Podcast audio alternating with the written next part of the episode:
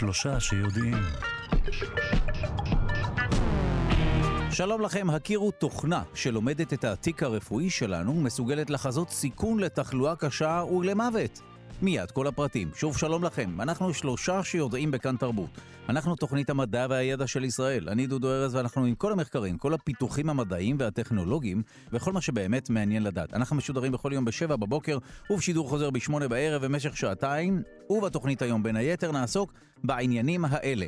חוקרים מאוניברסיטת תל אביב אימנו תוכנה בשיטת בינה מלאכותית ללמוד תיקים רפואיים אלקטרוניים של חולים, וגם מנגנון הגנה של חיידקים עשוי לאפשר לשפר את העמידות של צמחים למזיקים. מה הקשר בין מנגנון הגנה שקיים בחיידקים לעמידות של צמחים? מיד על המחקר ממכון ויצמן למדע. וגם חוקרים הצליחו לקרוא מחשבות של מדוזות.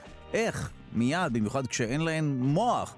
וגם שמן קנאביס רפואי נמצא יעיל לטיפול באוטיזם, כך עולה ממחקר שנערך באוניברסיטת תל אביב, וגם מצעד החיסונים. איזה חיסון הוא היעיל ביותר מפני קורונה? חוקרים מהאוניברסיטה העברית מדרגים את יעילותם של החיסונים השונים. מחוסני פייזר יכולים לגמרי להירגע. העורך שלנו הוא רז חסון, המפיקה אלכסנדר לויקר לביצוע הטכני, די.ג'י אלון מקלר, תודה רבה ליגאל שפירא שמלווה אותנו. אתם ואתן מוזמנים ומוזמנות להצטרף לקהילה הרשמית של שלושה שיודעים בפייסבוק. כאן שלושה שיודעים. נזכיר שאפשר להאזין לשלושה שיודעים גם כהסכת בכל זמן ובכל מקום באמצעות היישומון של כאן, גם באמצעות ספוטיפיי, אפל וגוגל. בואו נתחיל.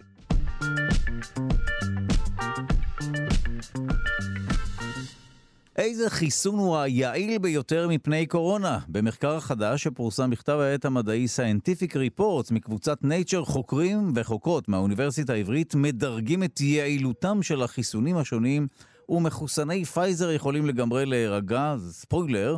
שלום למי שבין היתר אחראית על המחקר הזה, דוקטור ויקטוריה רולצ'יד מהחוג לרוקחות קלינית בבית הספר לרוקחות הפקולטה לרפואה האוניברסיטה העברית, שלום לך. שלום רב. טוב, רגע לפני שנגיע... אה, אה, אז שלום, רגע לפני שנגיע לדירוג עצמו, אה, איך עורכים מחקר כזה? זאת אומרת, אילו פרמטרים שקובעים איזה חיסון הוא היעיל ביותר, ואז נעבור לתוצאות האמת. אז אה, קודם כל חשוב אה, לציין שהמחקר נעשה בשיטה של מטה-אנליזה נטוורק, שזה בעצם שיטה סטטיסטית מורכבת מאוד, שמאפשרת להשוות תוצאות של מחקרים שכל חיסון נבדק בנפרד במחקר עצמו. ואז אנחנו משתמשים בנתונים שכבר פורסמו לגבי יעילות של כל חיסון בהשוואה לפלצבו, ומשווים בין הנתונים שמתקבלים מתוצאות, אה, בעצם תוצאות של מחקרים שונים, מחברים ביחד. וזה 아. אה. מאפשר לנו לבצע השוואה יחסית. אנחנו לא לוקחים משתתפים ולא נותנים לחלק חיסון א' ולחלק חיסון ב', אלא לוקחים תוצאות של יעילות חיסון א' לעומת פלצבו, ואז לוקחים תוצאות של מחקר אחר שבדק יעילות של מחקר ב' לעומת פלצבו, ויודעים להשוות את התוצאות בצורה בלתי עקיפה. שבעצם אף אחד לא, אף, אף אחד מהמחקרים לא בדק יעילות של מחקר אחד מול שני באותו מחקר ספציפי. אוקיי, אבל אני משער שהשיטה הזו, כן יש, אה, יש אמת בנתונים ש, שעולים ממנה, נכון? יש היגיון מדעי בזה, כן. השיטה מאוד מקובלת, כן. והיא משתמשת בהנחות יסוד מאוד מאוד אה, מוכחות. שלוקחת בחשבון את כל ה... אה, שמאפשרת לבצע את ההשוואות הבלתי ישירות. אוקיי, אז, אה, אז אנחנו מבינים את השיטה עצמה, ואילו פרמטרים נלקחים בחשבון? זאת אומרת, מה זה אומר חיסון יעיל? הכוונה היא למה? למונע תסמינים, למונע מוות, במה מדובר? בעצם, אז בשיטה הזאת, בגלל שאנחנו משתמשים בתוצאות שכבר פרסמו, אנחנו יכולים רק להשתמש בתוצאות שאנחנו יודעים לגבי חיסונים ממחקרים שהתפרסמו. אנחנו לוקחים תוצאות שהן מאוד דומות בין מחקרים השונים. אנחנו השתמשנו בתשע מחקרים שונים, שהם מחקרים מאוד אה, מבוקרים, אה, אה, שזה נקרא Randomized Control Studies, שבכולם נבדקו, היעילות של החיסון נבדקה מבחינת יכולת למנוע מחלה תסמינית. שזה אה, הגדרה מאוד מקובלת ואחידה בין כל, החיסונים, אה, בכל המחקרים, ומשתנה נוסף שבדקנו זה יכולת של החיסונים למנוע מחלה קשה, וזה גם אה, דירוג מסוים של תסמינים וצורך להתאשפז. אז היעילות היחסית שבדקנו זה באמת היעילות של החיסון למנוע תחלואה תסמינית הנגרמת על ידי וירוס הקורונה, בהשוואה לחיסונים אחרים שנכנסו לאותה השוואה. טוב, שאלת השאלות, מה, מהו הדירוג? מה, איזה חיסון הוא היעיל ביותר על פי הקריטריונים שלכם והדרך שבה ערכתם את המחקר?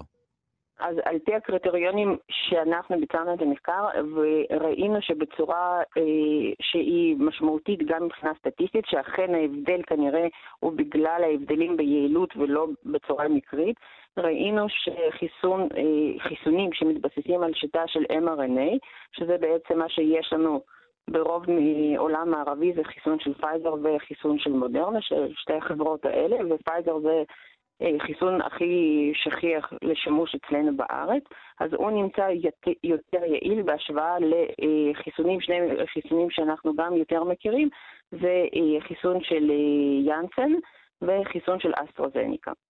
וואו, זאת אומרת שהטכנולוגיה הזו של RNA שליח, מה שנקרא, היא היעילה ביותר. זה, זה מסקרן, זה אומר משהו, אולי צריך להעביר חיסונים נוספים לאותה טכנולוגיה? אה, שאלה מאוד מעניינת, בטוח אין לי לזה תשובה. חשוב לציין שאנחנו בדקנו אה, תוצאות של מחקרים שנתנו שתי מנות, אנחנו דיבר, מדברים mm. על תקופה מאוד ראשונית של כניסה של חיסונים לשימוש הקליני, כלומר אנחנו מדברים יעילות של החיסון למנוע מחלה שהטווח מעקב הוא היה מאוד מאוד קצר, אנחנו מדברים על יעילות של סדר גודל של ממוצע של חצי שנה האחרונה אחרי סיום הפרוטוקולים המקובלים של מתן חיסונים, וזה בעצם אה, שלב של יעילות שאנחנו יודעים שזה, ידענו שזה מאוד מאוד יעיל, כולם היו יעילים, לעומת לא לתת חיסון בכלל, ויכולנו להגיד שיש חיסון מסוים או כמה חיסונים שהם יותר יעילים אה, מאחרים, אבל שוב, חשוב להדגיש שאנחנו מדברים על מנה שנייה וטווח מעקב שהיה לנו זמין סדר גודל של חצי שנה, לא מעבר לזה. וואו. וכמובן לא יכולנו להתחשב בשלב ההוא של פרסומים ביעילות מעבר לחצי שנה, הצורך בבוסטר וייתכן מאוד הצורך במנות נוספות, אם אכן יהיה צורך כזה. אה, אה, מה החיסון הכי פחות יעיל שנמצא מעניין? אז שוב, מה שראינו, החיסון של יאנסן ושל אה, אסטרוזניקה, הם נמצאו פחות יעילים בהשוואה לרוב החיסונים. אבל לגבי חלק לא מבוטל, אנחנו השווינו בין תשע, תשעה חיסונים שונים, שרובם נעשו בטכנולוגיות שונות. ואז ראינו שלא היה הבדל שיכולנו להגיד, אוקיי, אכן יש הבדל בין חיסון אחד לשני, לגבי חלק לא מבוטל של החיסונים, אבל חיסוני mRNA היו חד משמעית יעילים יותר, בהשוואה לחיסוני יאנסן וחיסוני של אסטרוזניקה. שאר חיסונים, אה, רוב שאר חיסונים לא היו שונים מאוד מיאנסן ואסטרוזניקה. אז לכן אי אפשר להגיד שהם הכי גרועים, בטוח שלא.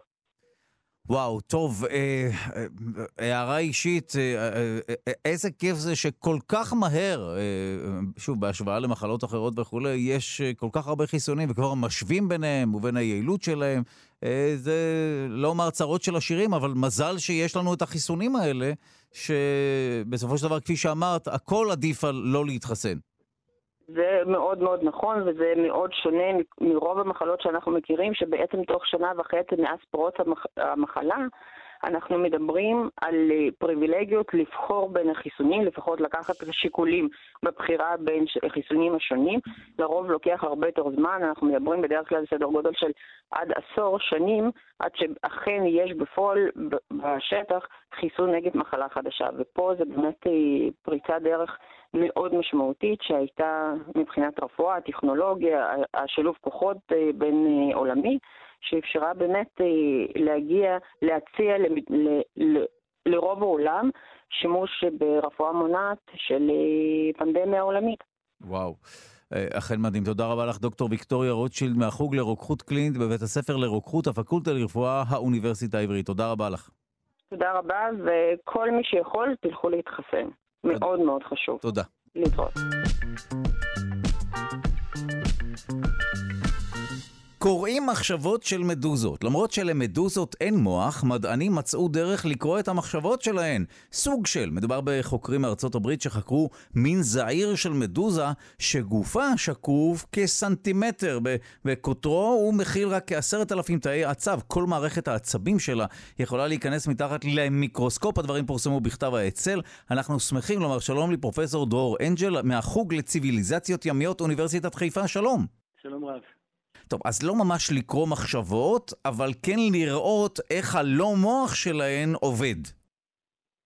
כן, יש, יש פה אה, הזדמנות אה, נהדרת להסתכל על, על מערכת שהיא מאוד אה, מורכבת אצלנו ואצל אה, הרבה יצורים אחרים, אה, בלי כל קשר למוח, פשוט אה, מערכת אה, שהיא שילוב של עצבים, שרירים וכל מיני דברים כאלה.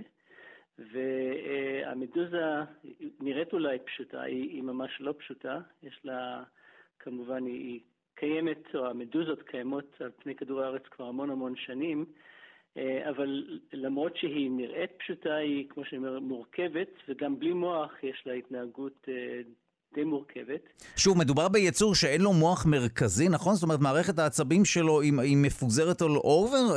איך זה עובד?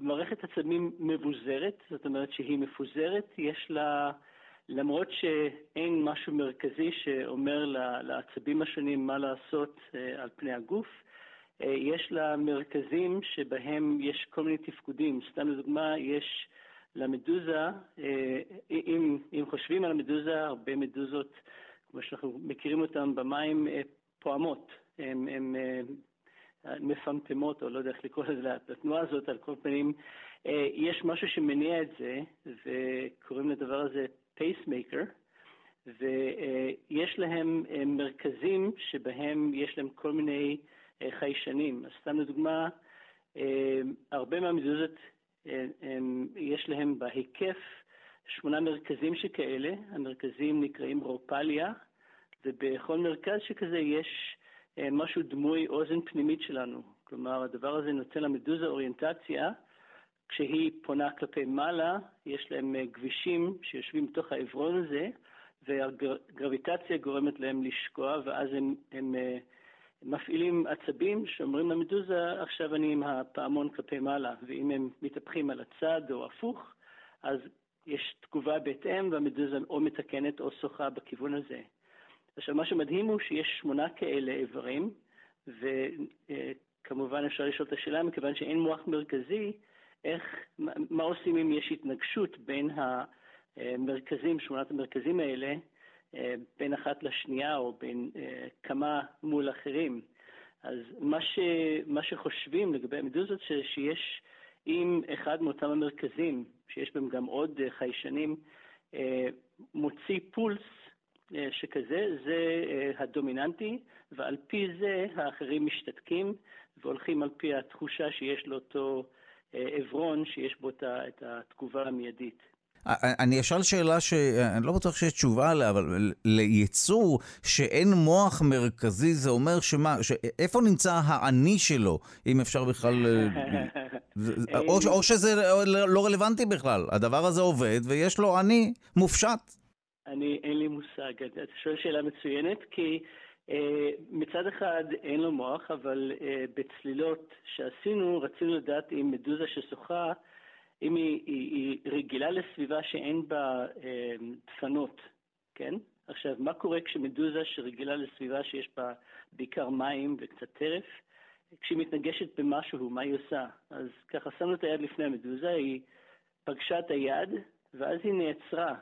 ואתה מסתכל על המדוזה וזה כאילו שהיא חושבת, אוקיי, יש פה קיר, מה אני עושה עם הדבר הזה? כי אין לה עיניים, או אם יש להם אה, אפשרות לחוש אור וחושך, זה די עמום, זה, זה בעצם זה צל או, או אור. אז אה, אתה רואה את המדוזה נעצרת, כאילו חושבת, ואז ממשיכה לשחות או באותו כיוון, או שהיא משנה כיוון. הרבה פעמים היא משנה כיוון, כלומר, היא לומדת מה, מהריאקציה הזאת. וואו, טוב, אה, די מדהים. אה, והיא מסוגלת כמובן לשרוד במשך מיליוני שנים למרות המערכת היחסית בסיסית. אה, עשרת אלפים תאי הצו זה הרבה פחות ממה שיש לנו, ובכל זאת היא אפקטיבית. כן, כן. כן, יש... השרידות הזאת, המדהימה שיש למדוזות, יש לה כל מיני מאפיינים שמאפשרים את זה, שלא לא כמונו. סתם לדוגמה, אם נסתכל על מדוזה שנגיד ציפור נחתה עליה ולקחה ממנה כמה ביסים, זה לא סוף חייה. זאת אומרת, אה, אם, אם היה לה ראש והציפור הייתה תוקפת את הראש, רוב הסיכוי שזה היה סוף המדוזה, אבל אתה יכול לראות בים הרבה מדוזות שכבר מפורקות וממשיכות לפעום את אותו, אותה פעימה, אפילו וואו. שחלקים רבים מהגוף חסרים. אמ, יכול להיות ששמונת העברונים האלה, החשים מסביב, אמ, מאפשרים את ההמשכיות הזאת. כלומר, יש לה חיות די, די מדהימה. גם כשלוקחים מדוזה אה, ומחזיקים אותה במעבדה והיא מתפרקת, מסתכלים אחר כך על מה התפרק, מה נשאר, ויש פשוט המון המון תאים ורקמה שזורמים באופן מדהים, וזה למשך ימים. אמ, אז יש פה, יש משהו מצד אחד נראה מאוד פשוט, מצד שני הוא ממש לא פשוט. וואו, אה, אכן יצור מדהים. אני רוצה לחזור ברשותך אל, אל המחקר. כשמתבוננים באמת במערכת העצבית הזו, מה מגלים? האם אפשר לחזות אה, אה, פעולות של המדוזה על פי ההתבוננות הזאת? זאת אומרת, מה ההתבוננות הזאת בתאי הצו, הפעילות הזו? איזה מסקנות אני יכול להסיק אה, לאחר שאני מביט בזה? הרושם, ש... שוב, מקריאה מהירה של המאמר, שיש אה, אזורים שונים או, או עצבים שונים בגוף של המדוזה שאחראים על פעולות שונות. אז המדוזה הספציפית הזאת שחקרו אותה, הסתכלו על uh, תהליך האכילה ואיך שהיא uh, פוגשת טרף, ואז לוקחת את הפעמון שלה ומכופפת את הפעמון כדי להביא את הטרף לכיוון הפה. Um, אם חותכים, הם גוזרים חלק מהפעמון, um, למרות, ונותנים את הגירוי הזה של הטרף, למרות שיש פה עצבים שחסרים, היא ממשיכה כאילו לנסות לאכול. אז יש, יש אה, משהו שהוא שוב אה, שייך למנגנון הזה של ההישרדות, שלמרות שחסרים חלקים, היא, זה לא, לא זה מה שיכריע אותה, היא תמשיך לנסות אה, להתקיים. ו, ומה שמדהים, עוד דבר מדהים במדוזות, הם משלימים רקמות. כלומר, זה, זה כמו ש... מורידים לנו יד והיד צומחת מחדש. אז אפשר לראות מדוזות שניזוקו, ועם הזמן רואים שהיא משלימה את, ה, את הרקמה ואת ה, את הצורה של המדוזה. אז אין סיבה להתנסה על היצור הזה למרות שהוא, שיש לו הרבה פחות נוירונים מלנו. נכון, נכון. וואו, אכן יצור מדהים. אה, שוב, זה, זה קצת אה, כמטאפורה למחשב, אז זה נראה כאילו יש פה אה, מחשב עם פחות תאים, או, או כל מין ביטים כאלה שאפשר לעבוד איתם, אבל זה ככל הנראה מספיק. לגמרי. אנחנו, אנחנו חושבים שאנחנו הכי, הכי מפותחים, הכי, הכי מורכבים שיש, אבל יש המון יצורים שהם כל, כולם תא אחד. כלומר, זה לא רקמה, זה ייצור שהוא תא אחד, כמו אצות או חיידקים, או דברים אחרים ש, שאין כל כך שמות עבריים להם. ו, וכשמסתכלים פנימה, רואים שהמורכבות של הייצור הזה, שכל כולו, כל, ה, כל החיים שלו זה בתוך תא אחד, המורכבות שם היא הרבה יותר גדולה מאשר בתאים שלנו, שהתאים הם מאוד מאוד ייחודיים לתפקודים שונים. תאי עור, תאי עצב, תאי אה, שריר וכדומה. אז, אז יש פה בהחלט אה, בעולם החי הרבה הרבה, הרבה פטנטים. אנחנו מכירים, לגמרי. מתארים, אבל לא ממש מבינים אותם. וואו, טוב, לאט לאט אה, כן, אבל כמובן שלא הכל בינתיים. תודה רבה לך, פרופ' דרור אנג'ל, מהחוג לציוויליזציות ימיות, אוניברסיטת חיפה. תודה. להתראות.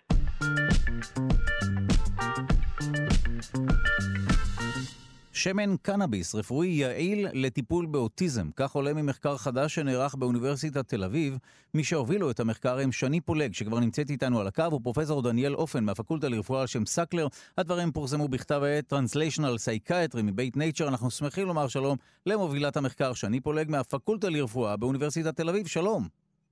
שלום וברכה. מה שמן קנאביס עושה? זאת אומרת, איך הוא משפיע על אוטיסטים? ברשותך אני אשמח להסביר ממש אה, בקצרה מה בדיוק עשינו במחקר. בגדול, מה שאנחנו בדקנו זה את ההשפעות של שמני קנאביס מסוגים שונים על חיות מודל לאוטיזם, והתעסקנו בעיקר בשמן קנאביס שמכיל CBD בכמות גדולה בתור התחלה, ואחר כך עברנו לשמן קנאביס שמכיל בעיקר THC ולא מכיל CBD, ובדקנו את ההשפעות על ההתנהגות של חיות המודל, וגם השפעות ביוכימיות על, על רמת ההולכים העצביים וחוט השדרה שלהם, אז רגע, שלהם אז לפני שתמשיכי, אם כבר באמת פתחת במחקר עצמו, אז הסביר לנו מה מהות האותיות האלה, זאת אומרת, מה כל רכיב פעיל, uh, מכיל, עושה וכולי, הזכרת שני סוגים של חומרים. נכון. אז אני, בגדול, מה, ש, מה שחשוב להבין זה שבשמן קנאביס ובקנאביס בכלל יש המון המון חומרים פעילים שנקראים קנבינואידים. השניים הכי מפורסמים זה THC, שזה החומר בשמן הקנאביס או בקנאביס, שגורם לתחושת האופוריה וההיי, ועוד חומר זה CBD, שהוא לא גורם לו את התחושה של ההיי והאופוריה, אבל כן יש לו תכונות חיוביות אחרות, והראו השפעות חיוביות שלו במחלות נוירולוגיות נוספות. אז אנחנו בחרנו שמני קנאביס שמכילים את שני החומרים האלה בריכוזים שונים. והתחלנו למעשה בשמן קנאביס שמכיל ריכוז גבוה של CBD, בגלל שזה מה שנהוג כיום בקליניקה לטפל באנשים עם אוטיזם, ושמני קנאביס שיש בהם ריכוז גבוה של CBD. וראינו השפעות חיוביות על ההתנהגות של חיות המודל, גם על ההתנהגות החרדתית שלהם ועל ההתנהגות החזרתית, ש, שזה מה שרואים למשל נפנופי ידיים ובני אדם, והתנהגויות חזרתיות דומות. מה הן חיות המודל האלה? זאת אומרת, איך מדמים אוטיזם בחיות מודל? יש המון דרכים לדמות אוטיזם בחיות מודל, אבל אנחנו השתמשנו במודל גנטי, שבו בעצם לקחו מוטציה שזיהו בבני אדם כגורם mm. לאוטיזם, ואז יצרו אותה בחיות המודל, וחיות המודל, המודל האלה משיגות התנהגויות שהן דמויות אוטיזם. למשל, התנהגות חברתית לקויה, למשל התנהגות חזרתית מוגברת, חרדה, וככה אה, בוחנים את, ההתנה... את ההשפעה של טיפולים שונים אה, על ההתנהגות הדמוית אוטיזם. וואו, טוב, אז בואי נמשיך באמת עם המחקר. אז אוקיי, אז השמן הזה ניתן לאותן חיות מודל בריכוזים שונים של החומרים הפעילים, אה, ובסופו של דבר זה הוכיח את עצמו? כן, ראינו השפעות חיוביות על ההתנהגות. אה, גם ברמה של ההתנהגות החזרתית, שזה היה האפקט הכי משמעותי, אה, וגם ברמה של ההתנהגות החרדתית. והחלק המעניין אה, במחקר שלנו, לדעתי, זה שדווקא כשבחרנו לטפל בהמשך הניסוי בשמן קנאביס שלא מכיל בכלל CBD, אלא מכיל THC, זאת אומרת מבוסס על THC, שזה משהו שלא נהוג לעשות היום בקליניקה, בטיפול באוטיזם, אז ראינו השפעות מאוד חיוביות, ולמעשה ראינו שהחלק של CBD הוא לא, לא הכרחי בטיפול באוטיזם, לפחות לפי המחקר שלנו. וואו. אה, וההשפעות היו אפילו יותר חיוביות כשטיפלנו בשמן אה, מהסוג השני.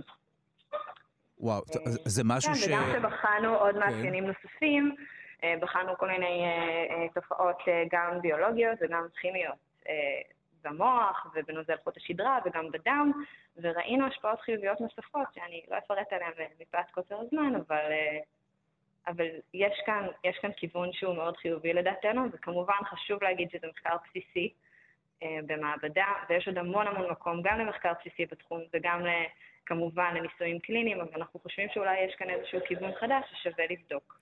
ויודעים למה זה כך? זאת אומרת, אנחנו, אוקיי, אולי באמת מצאתם אה, איזשהו קשר... אה, בין השמן שניתן לבין שינוי בהתנהגות וכולי, אבל יודעים מה קורה ברמת הנוירונים, במוח, ברמה הכימית, החשמלית.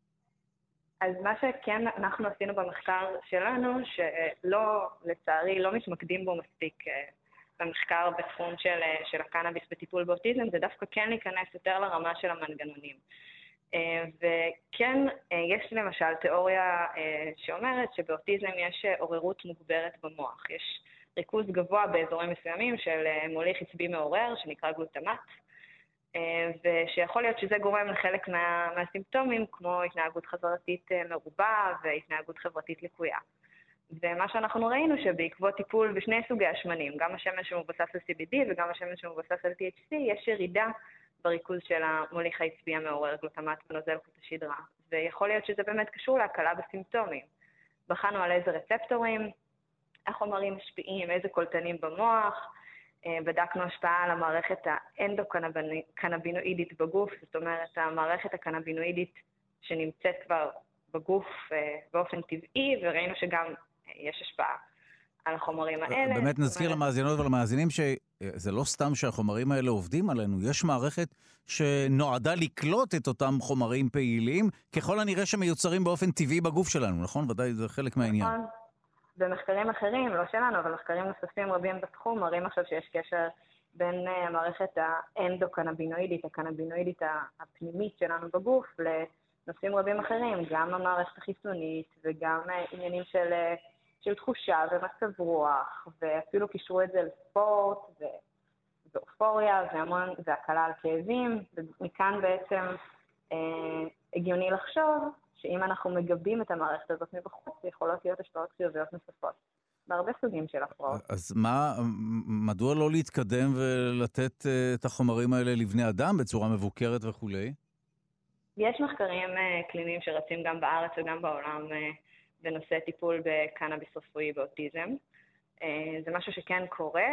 העניין הוא פשוט באמת באיזה חומרים, באיזה סוגי שמנים, מה, מה ההבדל בין כל שמן מבחינת הריכוז והיחס בין CBD ו-THC. אה, ואני מאוד אשמח שזה יגיע לניסויים קליניים ו, וימשיכו לחקור את התחום הזה. אז קדימה לעדכן אותנו אם זה קורה. תודה רבה לך. מובילת המחקר שני פולג מהפקולטה לרפואה, אוניברסיטת תל אביב. תודה רבה. תודה רבה גם לך.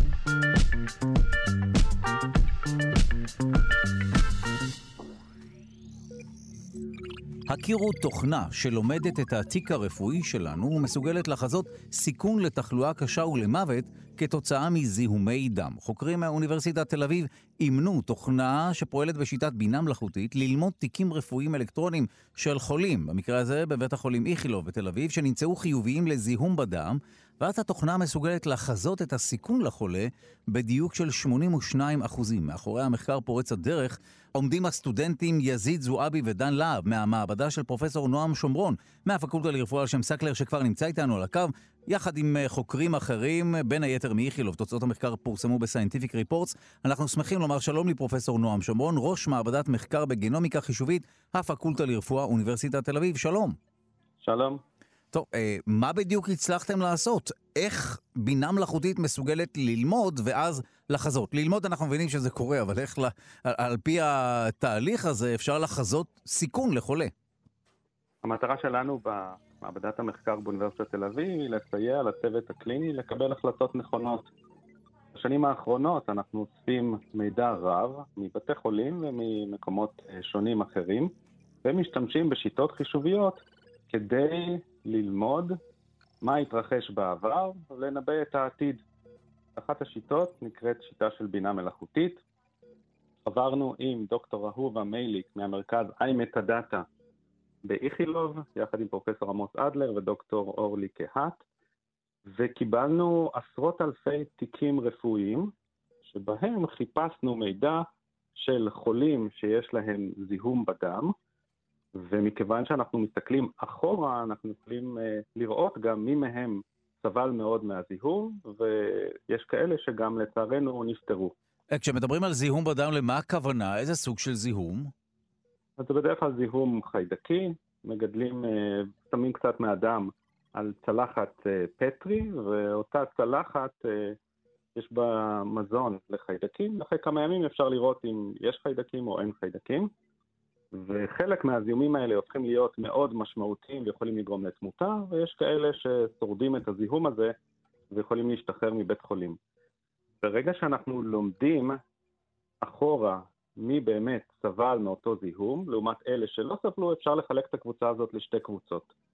אה, ואנחנו מבקשים מהמערכת של הבינה מלאכותית לקבל את כל הדאטה, להכניס את זה לקופסה שחורה על איזשהו אלגוריתם, ולהגיד לנו במה הפרמטרים שונים של אלה שסבלו מהזיהום ואלה שלא סבלו מהזיהום. עכשיו, זה משהו שעין אנושית לא יכולה לשים לב אליו? זאת אומרת, כי שוב, אתה, אנחנו מדברים על קופסה שחורה, וזה תמיד מה שמוזר בבינה מלאכותית, שכאילו יש שם איזשהו משהו מטאפיזי, או איזשהו משהו על-מחשבי או על-אנושי. נכון, אז אנחנו מאוד חשדניים בניסויים שלנו, אבל מכיוון שיש לנו למעלה מ-300 פרמטרים על כל אחד מהפציינטים, mm. ויש לנו עשרות אלפי פציינטים, זה מאוד מורכב לראות את זה בעין. למעשה אי אפשר לראות את זה בעין, אבל המחשב עושה את זה בקלות. ונמצאו כמה פרמטרים בבדיקות דם שהפרידו בין שתי הקבוצות, אבל עדיין לא האמנו לתוצאות, ואמרנו, אוקיי, למדנו אחורה מעכשיו עד שנת, אה, אחורה עד 2014. אמרנו, בואו ניישם את זה עכשיו קדימה. בואו נראה אם אנחנו באמת יכולים לחזות מי הולך לסבול מאותו זיהום. ואכן, בעבודה עכשווית על מידע חדש, הצלחנו לראות שאנחנו מצליחים לזהות באמת בדיוק גבוה יחסית מי עומד לסבול מאותו זיהום ומי לא. עכשיו, אפשר לשאול כמובן מה נעשה עם המידע הזה. אז קודם כל אנחנו אומרים זו מערכת שמסייעת לצוות הקליני לקבל החלטות. אז אפשר לשים איזשהו אה, דגל אדום או סימן אדום על אותו חולה או אותה חולה או על אותה מיטה, ולומר לצוות הקליני, צריך לשים לב יותר טוב לאותו פציינט, כי הסיכוי הוא יותר גבוה שהם יסבלו מאותו זיהום לעומת אחרים שלו. ואפשר אולי להתחיל טיפול מקדים של אנטיביוטיקה, אולי במינונים יותר גבוהים, באמת באלה שנמצאים בסיכון היותר גבוה. וואו, תשמע, אה, אה, זה לא ברור איך עדיין אין מצב שבו בינה מלאכותית מנתחת את כל התיקים הרפואיים ו- וצילומים וכולי, כי הרי אין לי ספק שמדובר בכלי עבודה שעשוי להיות מהותי בעתיד, ב- שוב, גם באיתור ואבחון של כל מיני תופעות או מחלות וכולי, וגם באמת בתחזיות. לגמרי, אנחנו לא היחידים שעושים את זה, אנחנו אכן מעבדה גדולה באוניברסיטת תל אביב, שמשלבים גם את החלק של הבינה מלאכותית וגם את המידע הקליני. גם הרקע של הסטודנטים מאוד מגוון, מגיעים מביולוגיה, מרפואה, מהנדסה, מסטטיסטיקה, ממתמטיקה, ואנחנו מתרכזים בתיקים הרפואיים ובשיתופי פעולה כאן בארץ כרגע, ואנחנו בונים את הכלי הזה בסופו של דבר ליישם אותו בהרבה מאוד בתי חולים, גם בארץ וגם בחו"ל. יש כבר כלים כאלה שגם מסייעים לפענח, לדוגמה שבץ מוחי, יש כאלה שמסייעים לחפש גידולים בגוף, אנחנו באיזשהו תהליך מורכב, שבו אנחנו מתחילים לסמוך על מחשבים, על בינה מלאכותית, על מערכות מאוד גדולות שיכולות לסייע לנו לקבל החלטות, ולאט לאט אנחנו אה, מקשיבים להם, מקבלים החלטות אולי שונות. אה, אין ספק שבעשור הקרוב אנחנו נראה המון תוכנות כאלה נכנסות לקליניקה, אנחנו צריכים ללמוד לסמוך עליהן, ואתה יודע, זה הופך להיות מאוד מורכב, כי בסוף אם יש איזושהי טעות בהמשך, מי מאשימים? את המחשב, את התוכנה, את האלגוריתם, את ולכן הקוד. ככל הנראה מדובר יהיה בעוד כלי עזר אה, של עין אנושית, נכון? אנחנו לא נוותר על הרופאים, אני משער. אנחנו נוותר על הרופאים שלא משתמשים בחלק החישובי, אנחנו נשתמש ברופאים שכן משתמשים בכלים חישוביים שמסייעים להם לקבל החלטות. וואו, עכשיו בסופו של דבר, אחרי שהבינה המלאכותית למדה את אותם תיקים רפואיים, אז מה? אז עכשיו היא חכמה יותר ואפשר לקחת את הבמרכאות חוכמה הזאת וליישם על תיקים חדשים? זאת אומרת, איך, איך עובד המוח הזה? לגמרי, אפשר ליישם על תיקים, זה, בכל עבודה שלנו אנחנו עושים training אה, set ואז test, test. כלומר, אנחנו קודם מאמנים את המערכת, אחרי זה בודקים אותה, ואחרי זה עושים גם ולידציה בבית חולים אחר, לוודא שאין לנו איזושהי הטיה מבית חולים אחד שעבדנו עליו. וזה בדיוק מה שאנחנו עושים עכשיו. למדנו הרבה מאוד אחורה, על עשרות אלפי תיקים. בדקנו את זה על כמה מאות תיקים באותה שנה שבדקנו, ראינו שבאמת אנחנו מצליחים לאשש את התוצאות, ועכשיו אנחנו הולכים לבדוק את זה במקומות שונים, לוודא שאפשר גם ליישם את זה לא רק בבית חולים אחד, אלא בהרבה מאוד בתי חולים. זה אנחנו לוקחים בחשבון, כי אנחנו בודקים פרמטרים שכל בית חולים בודק. כלומר, למרות שיש לנו 300 פרמטרים על כל אחד מהחולים, צמצמנו את זה לרשימה של 25 בדיקות שונות, מאוד פשוטות שעושים, כשהפציינט נכנס לבית חולים. בגלל שצמצמנו את זה לכמות כזו של בדיקות שהיא פשוטה יחסית, ברובן הן בדיקות דם, אפשר לעשות את זה בכל מקום, בכל בית חולים בעולם, זה איזושהי רוטינה. וואו, טוב, מדהים, ואתה אומר שלגמרי כלי כזה יכול להשפיע על uh, אופן הטיפול, על, uh, על, על, על הטיפול עצמו שניתן לחולים. כלי כזה יכול להציל חיים, אין ספק. וואו. שמע, באמת נשמע שהגיע הזמן לשלב אה, אה, ביתר שאת, שוב, כפי שאמרת, זה כבר קורה, אבל הנה עוד, אה, עוד שריר כזה שמצטרף, אה, עוד כלי בארגז הכלים, ש... כולל את, אה, את הבינה המלאכותית ואמור לסייע לנו בכל מה שקשור לענייני רפואה. תודה רבה לך, פרופ' נועם שומרון, ראש מעבדת מחקר בגנומיקה חישובית, הפקולטה לרפואה, אוניברסיטת תל אביב. תודה. תודה.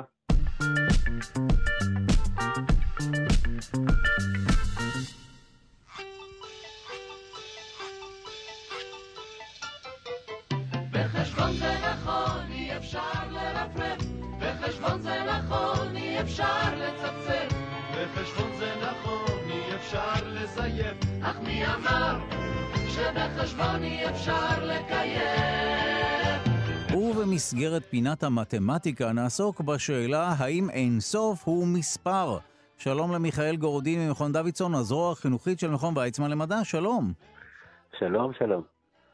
שאלת השאלות, אה, אני יודע שבסופו של דבר אומרים שהוא לא ממש מספר, אלא בזמנו לימדו אותי שזו איזושהי שאיפה, אבל כן אפשר לעשות איתו תרגילים, לא? אז זאת בדיוק הבעיה. אה, בעצם השאלה הזאת, אה, נתקלים בה לראשונה במידה רבה בגן הילדים. כשעיסוק חביב על הרבה ילדים הוא להגיד את המספר הכי גדול. לי יש מאה, ולי יש אלף, ולי יש מיליון, ומתישהו אחד הילדים מגלה את זה שאפשר להגיד אינסוף. ואז האם אז עולה השאלה אם זה חוקי? האם זה בחוקים להגיד שאני אה, חזק יותר אה, פי אינסוף? האם זה יותר גדול? והאם אחר כך אפשר להגיד אינסוף ועוד אחד? זה יותר מאינסוף? זה, זה, זה הבא בתור? זה לא, מה קורה פה? אז בואו, בואו נעשה אחת ולתמיד סדר. אה, למרות ששוב, שבית... כשמדובר בקונפליקט בגן ילדים, תמיד אפשר להפריד בין הילדים ולהשיב אותם לשחק בקוביות, שיפסיקו לעסוק בסוגיות כל כך ברומו של עולם. אבל בואו נפתור פה את העניין. שעיון מתמטי... אוקיי, אוקיי, ברור, ברור. אני מאוד מקווה שהילד בגן, הילד שלי, מתעסק במספרים כאלה. זה, זה, הייתי רוצה ילד כזה, כן. אז התשובה לשאלה היא יותר אה, מסובכת אה, ממה שקל מאוד אה, להגיד, לא, אין דבר כזה. אבל הבעיה היא שכשחושבים על זה קצת, וכשבוחנים על מה אנחנו מדברים, אה, במתמטיקה אין באמת דבר כזה מספר. זה אולי יישמע קצת מפתיע לחלק מה... מה זאת אומרת? אין, אין, אין, אין אובייקט כזה מספר באופן כללי. יש uh, מספרים טבעיים, שזה המספרים 1, 2, 3, 4 וכולי. יש uh, מספרים ממשיים, שזה ציר המספרים. יש כל מיני סוגים ספציפיים של מספרים שמקבלים הגדרות ברורות, וכל ה... באים עם כל המטען המתמטי, אבל מספר באופן כללי, אין, אין, אין, אין, אין יצור כזה באמת במתמטיקה. זה, זה מושג כל כך כללי, שאי אפשר באמת להבין מהו, והסיבה היא שאנחנו מקפלים לתוך המושג הזה המון המון אה, משמעויות שונות. בעצם מאיפה זה הגיע? כולנו מתחילים לספור במספרים, מה שנקרא הפשוטים, הרגילים, הטבעיים, אחת, שתיים, שלוש, ארבע, חמש. ואז לאט לאט אנחנו רואים, מגלים שאפשר לדבר על עוד כל מיני סוגים של מספרים, ואז אנחנו רוצים להרחיב את, ה, את, ה, את התפיסה שלנו של מה זה מספר ומה הם עושים. אבל זה לא באמת עובד, כי למספרים הטבעיים יש אוסף של תכונות, הם יודעים לעשות כל מיני דברים. וברגע שאנחנו רוצים להכניס לעולם המספרים עוד סוגים של מספרים, אז אנחנו מאבדים חלק מהדברים, מרוויחים חלק מהדברים. כל קבוצה של מספרים היא קבוצה אחרת. זה כמו אה, לשאול אה, אה, אה, על כיתה כללית בבית ספר. אין, אין באמת כיתה כללית. יש את א' יש את ג' שיש להם חלון וקר להם כל הזמן, ויש את ד' שאוהבים תנ"ך, אני לא יודע. אבל, אבל אם אתה שואל על כיתה באופן כללי, מה זה, מה, זה, מה, מה, מה זה אומר? יש את הכיתה הזאת, את הכיתה הזאת, אותו דבר במספרים.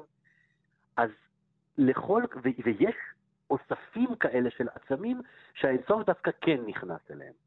למשל, אחת מהתכונות של, אה, אה, של מספרים היא שהם יודעים לעשות לנו אה, סדר. אתה הראשון, הבא בתור השני, הבא בתור השלישי, לזה קוראים ב, אה, אה, במתמטיקה סודרים. המספרים הטבעיים הם סודרים מאוד טובים. למשל, שברים הם לא סודרים טובים, כי אם אנחנו מתחילים עם חצאים ושלישים ורבעים, נכון. מאוד קשה ל- למקם אותם כן. אחד אחרי השני בתור. ודווקא פה אה, אפשר יחסית בקלות להכניס את, ה, להכניס את האינסוף. אומרים שהאינסוף הוא הסודר שבא אחרי כל המספרים. אחרי, אחרי, אחרי. אם אתה תספור אותם אחד-אחד, אתה לא תגיע אליו אף פעם. אם תספור 100, 101, 102, תגיע לאלף, תגיע למיליון, תגיע למספרים נורא גדולים. לא, בדרך הזאת לא תגיע אליו. אבל אם אתה עומד מהצד ככה ומסתכל על כל הסותרים שעומדים מולך בשורה, אתה יכול להגיד, בסוף שלהם נשים, אה, נשים אין סוף, אחרי כולם.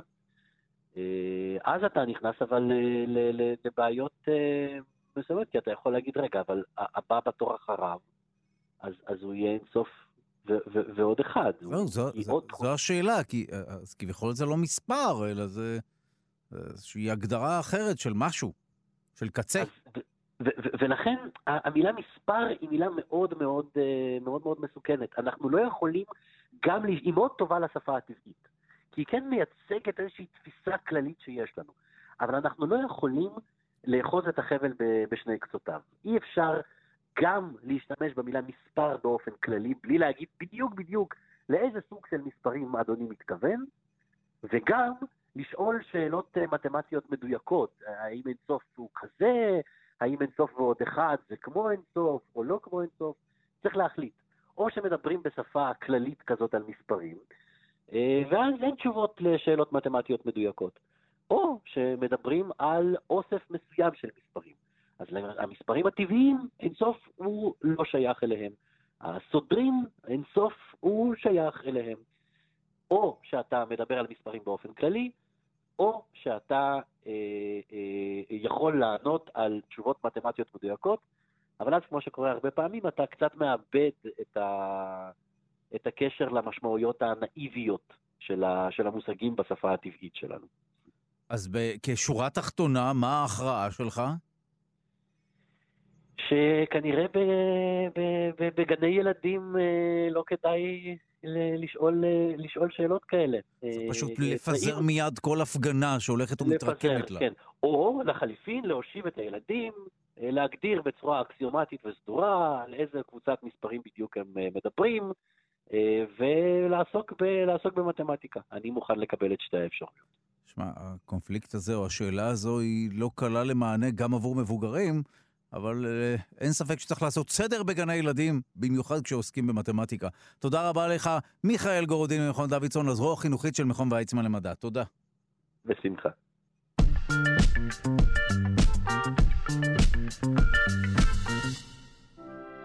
ובמסגרת פינת השירה נחגוג יום הולדת 75 למגה זמרת חווה אלברשטיין. שלום לרונה ישראל קולט, ווקולוגית ומורה לפיתוח קול במכללת לוינסקי לחינוך מוזיקלי. שלום.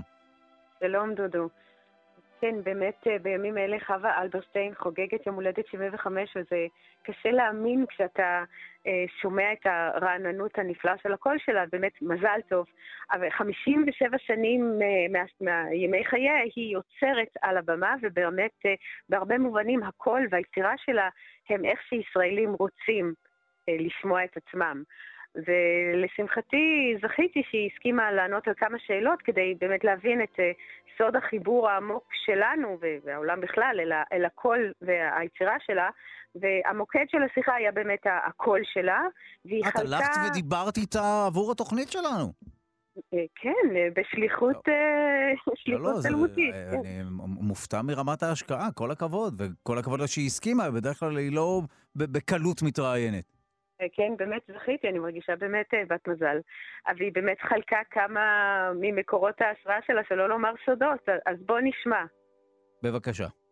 אחד הסודות שאני תמיד אומרת לאנשים צעירים ששואלים, אני כל הזמן אומרת להם תמיד, אתם לא מקשיבים מספיק למוזיקה. צריך להקשיב, אני בגיל נורא צעיר מקשיבה. ואני לומדת המון, למשל, אה, בוא נגיד, אלה פיג'רלד, זאת המורה האולטימטיבית שלי. האופן שהיא מגישה את השיר, המוזיקליות והצניעות, יש בה איזשהו סוג של צניעות שהיא שרה, שזה ממש בית ספר. אגב, אני אספר לך אנקדוטה שקראתי פעם על אה, דיטריך פישר דיסקו הידוע, כן. שהוא מספר בביוגרפיה שלו איזה חוויה ענקית הייתה לו לצפות בהופעה של אלה פיצג'רלד בקרנגי הול, וכמה שזה נתן לו השראה. הוא היה בהלם, הוא לא הכיר את הדבר הזה וזה ממש העיף אותו. אוקיי, זו- זה רק חלק מהשיחה, כן, אנחנו נשמע... נכון, נכון, אני- אעשה כמה אינסרטים, כן. כי היא- היא- זה באמת, אה, הלוואי והיה לנו מספיק זמן. שוב, אבל אנחנו מדברים עם אה, חווה אלברשטיין, זאת אומרת, את דיברת איתה, רונה ישראל קולה דיברה עם חווה אלברשטיין, זה אחד מהדברים, וכבר יש שם תובנה בכלל, היא, היא, באמת מעניקה, יש לא מעט תובנות מאוד דרמטיות ומשמעותיות ש, ש, ש, שהיא מנפקת, על העולם ועל מוזיקה בפרט כמובן. נכון, ובהמשך היא באמת מתארת את הבית סוג המוזיקה שהיא גדלה בו, ואתה שומע ששום סגנון לא היה זר או סגור בפניה, וכולם באמת פתוחים. גם השיר האומנותי הגרמני הזכיר את המבצע האולטימטיבי, הבריטון דיטריך פישר דיסקו, וגם סטנדרטים של ג'אז, אבל לא רק זמרים אה, נותנים לה השראה. אה, אם הייתי שואלת אותך לאיזה כלי היית מדמה את הקול שלה, מה היית אומר? אה, אולי כינור, אני לא יודע, למרות שהיא אה, אוחזת בגיטרה, אבל יש בה משהו יהודי כזה בקול. אז בוא נשמע מאיזה כלי היא עצמה שואבת את ההשראה, ואחר כך נשמע ביצוע שמשלב את אה, שני מקורות ההשראה. אוקיי. בשבילי, ההשראה שלי, אני מודה, זה קלרינט. זאת. ההשראה שלי כשאני שרה. הוא לא עושה ויברציות. פה ושם. הוא לא מדי סנטימנטלי. זה אח שלי היה נגן קלרינט, אז זה הכלי שליווה אותי כל החיים. אבל יש בו, זו, באמת, כשאני שרה, אני רואה, אני מנגנת בקלרינט, זאת האמת. זאת התחושה שלי האמיתית.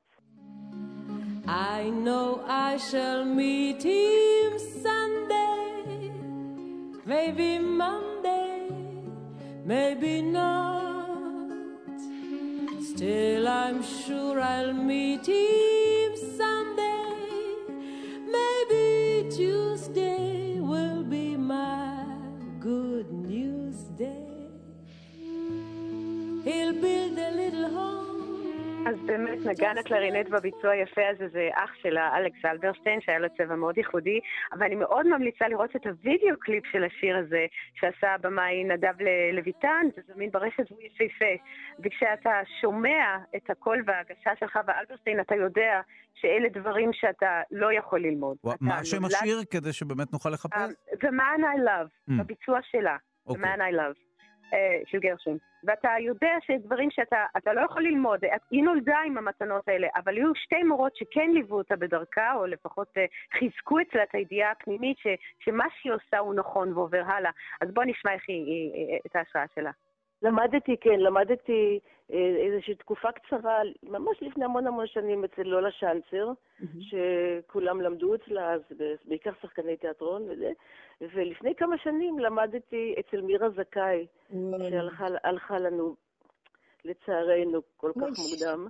ואיתה עבדתי, ואני חושבת שהתקופה הקצרה שהייתי אצלה מאוד עזרה לי, כי היא גם בן אדם, הייתה בן אדם מאוד אה, אינט- אינטלקטואלי, זאת אומרת, אה, אפשר היה לדבר על, על המון דברים סביב המוזיקה, לא רק אה, על הפקת הצליל, אבל זה מאוד עזר לי.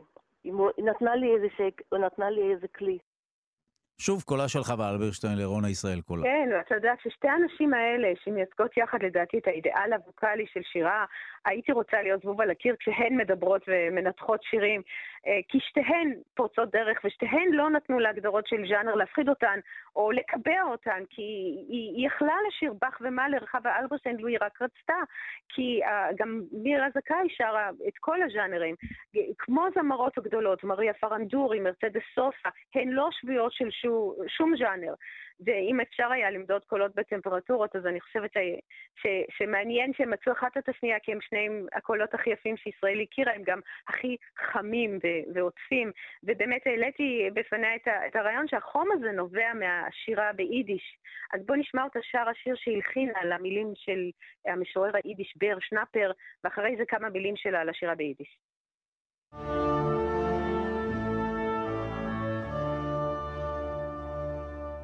Und not is Holz und not a Keide und not is Chalef euch schon do Ruf Korben greit mir warten beide noch Lemmele is noch nicht do והייתה ג'ון באז, שהיא הייתה פשוט המודל של כל הילדות והנערות עם הגיטרה בעולם. זה באמת הייתה, הייתה תופעה. וככה התחלתי, אבל כש, כשחשבתי כבר ממש ללכת להקליט, אז אמרתי לעצמי, מה, אני אקליט באנגלית, חסר זמרות ששרות באנגלית, ופתאום אני קיבלתי את ההשראה מהיידיש, שהיא בעצם הפולק שלי, שלנו. העניין אה, מהיידיש ש, שלקחת אותו לשם, הוא, הוא בעיקר, אה, יש משהו, ב, כשאתה שר ביידיש, יש בזה משהו נורא אה, מלטף ומנחם. ובאמת חייבים להסכים איתה ש- שהיידיש, לצד הלדינו והפיוט, הם יוצרים את שירת הפולק של ישראל והן ערוגות באיזשהו זיכרון אה, קולקטיבי, והיא, בקול שלה שספוג באינטונציות ובהנחה של היידיש, זה גם המפתח לטכניקה נכונה, אבל גם לזיכרון הקולקטיבי, כי היא יודעת להמיר את ההנחה הזו ל- לישראלית אה, מצויה. וזה מדהים שזה מצליח עד היום, זאת אומרת, זה לא טריוויאלי שזמרת כמוה אה, עותרת, יוצרת, אם באמת שמרפררת הרבה פעמים, או אה, מנהלת איזושהי מערכת יחסים ליידיש וכולי, זה משהו שהוא עדיין אה, תופס, עדיין מושך את האוזן של רבים. אז זו הוכחה שלאיכות יש ביקוש. ויש קהל, ותחשוב שהיא הקליטה יותר מ-60 אלבומים, והוענקו לה תוארי דוקטור של כבוד מאוניברסיטת תל אביב, וויצמן וברנדייס, והאולמות מלאים, ובאחרונה יש לה גם הצלחה מאוד גדולה בעולם, ואני מאמינה שאחת הסיבות המהותיות היא שהיא מופת של שירה איכותית, גם בסטנדרטים של אה, טכניקת בלקנטו, כי היא מעולם לא לוחצת או מתפשרת על היופי של הקול שלה. אה, אם יש לנו עוד שנייה לשמוע את, אה, איך, איך היא מסבירה שגם בשירי המחאה הכי בוטים היא לא, היא לא מוכנה לוותר על האיכות של הקול שלה. צריך כל דבר במידה הנכונה, כמו שאומרים. אם את היא משקיעה יותר מדי ולוחצת וצועקת, זה, זה נורא מרשים אולי בשמיעה הראשונה, אבל בסופו של דבר, כשאת שומעת שוב ושוב, זה מתחיל להעיק. אז צריך למצוא תמיד את איזשהו בלנס אה, בין הכעס ובין השיר ובין ה... זה, למצוא איזה דרך להעביר את המסר, אבל לא באופן, בצורה חיצון, מוחצנת מדי. זה, זה צריך מאוד להיזהר. צריך מאוד להיזהר במקצוע שלנו. וואו. אני רוצה שנסיים עם אה, שיר שמשלב את הבחירות החכמות שלה במילים ומטרות ושותפים מוזיקליים. בחרתי את השיר, שיר מגרש את החושך בלילה, ואיתו אני רוצה לאחל לה, מכולנו, אם אפשר, המשך מזל טוב, ושתמשיך להיות אה, מגדלור מוזיקלי. לגמרי תודה רבה לך, ישראל קולט, ווקולוגית ומורה לפיתוח קול במכללת לוינסקי לחינוך מוזיקלי, בואו נשמע.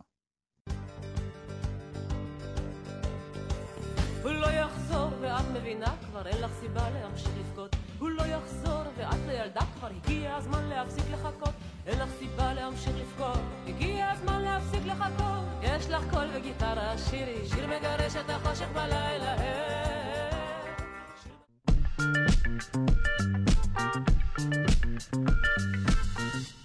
כתמים חומים מבצבצים על העלים של עציץ אהוב, זו עדותה לפעולה מאומצת של המערכת החיסונית של הצמח בתגובה למזיקים. זו למעשה השמדה של תאים שנדבקו ועוד כמה תאים בסביבה שלהם כדי למנוע התפשטות של אותו זיהום. במחקר שהתפרסם בכתב העת Nature חושפים חוקרים ממכון ויצמן למדע את המקורות האבולוציוניים של המנגנון הזה. מערכת הגנה של חיידקים נגד נגיפים. שימו לב, לא קשור לצמח, אלא מדובר בחיידקים. שלום לדוקטור גיל אמיתי מהמחלקה לגנטיקה מולקולרית במכון ויצמן למדע, שלום. שלום, בוקר טוב. אז למד אותנו מה בדיוק נמצא במחקר הזה, מהו אותו מנגנון שבכלל קשור למנגנון של חיידקים? אה, ובכן, אני הייתי רוצה להתחיל קצת עם ספר אה, רקע לגבי המחקר הזה. אה, הרבה אנשים לא יודעים שלחיידקים למעשה יש נגיפים שמדביקים אותם. הנגיפים האלה קוראים פאז'ים, זה הכינוי שלהם לפני איזה 100 שנה. והם בעצם אה, מצליחים להיכנס לתוך החיידק ולהזריק את המטען הגנטי שלהם. החיידק עצמו זה יצור מאוד זהיר, הוא בערך מאית מגודל שערה של בני אדם, והווירוס הוא עוד יותר זהיר, הוא בערך מאית מגודלו של החיידק. אבל גם החיידקים כמונו סובלים מהנגיפים. נכון, ולמעשה כל טיפת מים שאתה לוקח מהים, או משלולית, או איזו פיסת אדמה שיש בה חיידקים, אם תסתכל היטב, אתה תראה שהם מותקפים באופן יומי על ידי... אה, וואו. אז איך הם שורדים באמת? אז uh, חיידקים היו פה לפנינו, כנראה כמה מיליארדי שנה לפנינו. לפנינו זה לא רק לפני בני אדם, אלא כנראה לפני בעלי החיים והצמחים. ובמהלך אותם מאות מיליוני שנים הם פיתחו שלל מנגנונים שהם חיסוניים כנגד הנגיפים שלהם. כמו מה למשל? אילו מנגנונים? מנגנונים שהיו ידועים בעבר זה מנגנונים של אנזימי רסטריקציה שגילו אותם בשנות ה-70 וה-80, ובשנות ה-2000 גינו מערכות חדשות שקוראים להן קריספר, בטח דיברתם על זה בתוכנית.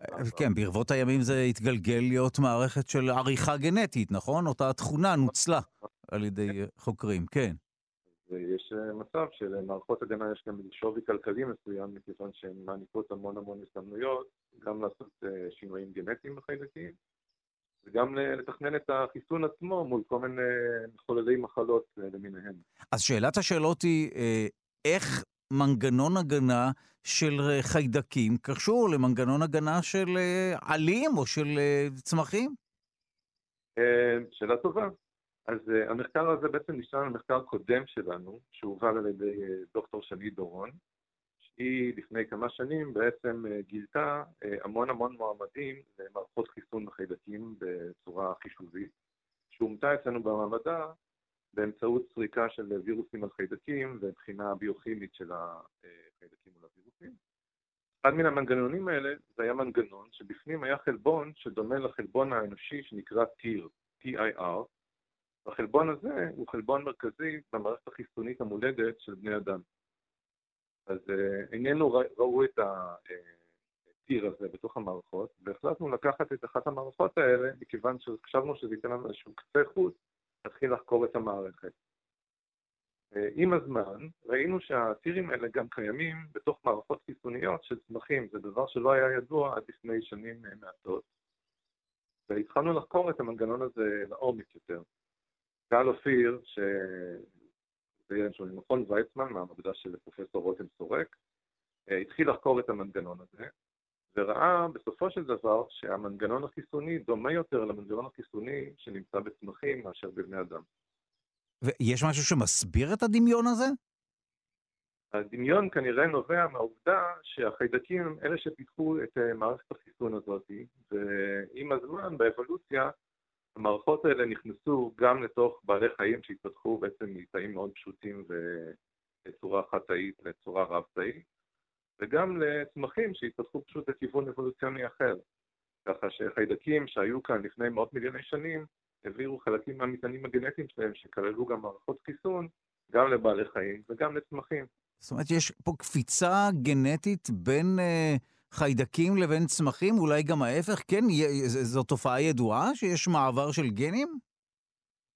כן, הדעה הרווחת היא שהחיידקים ועוד קבוצה שנקראת ארכאות, הם כנראה היו המייסדים של מה שנקרא תא בעל גרעין.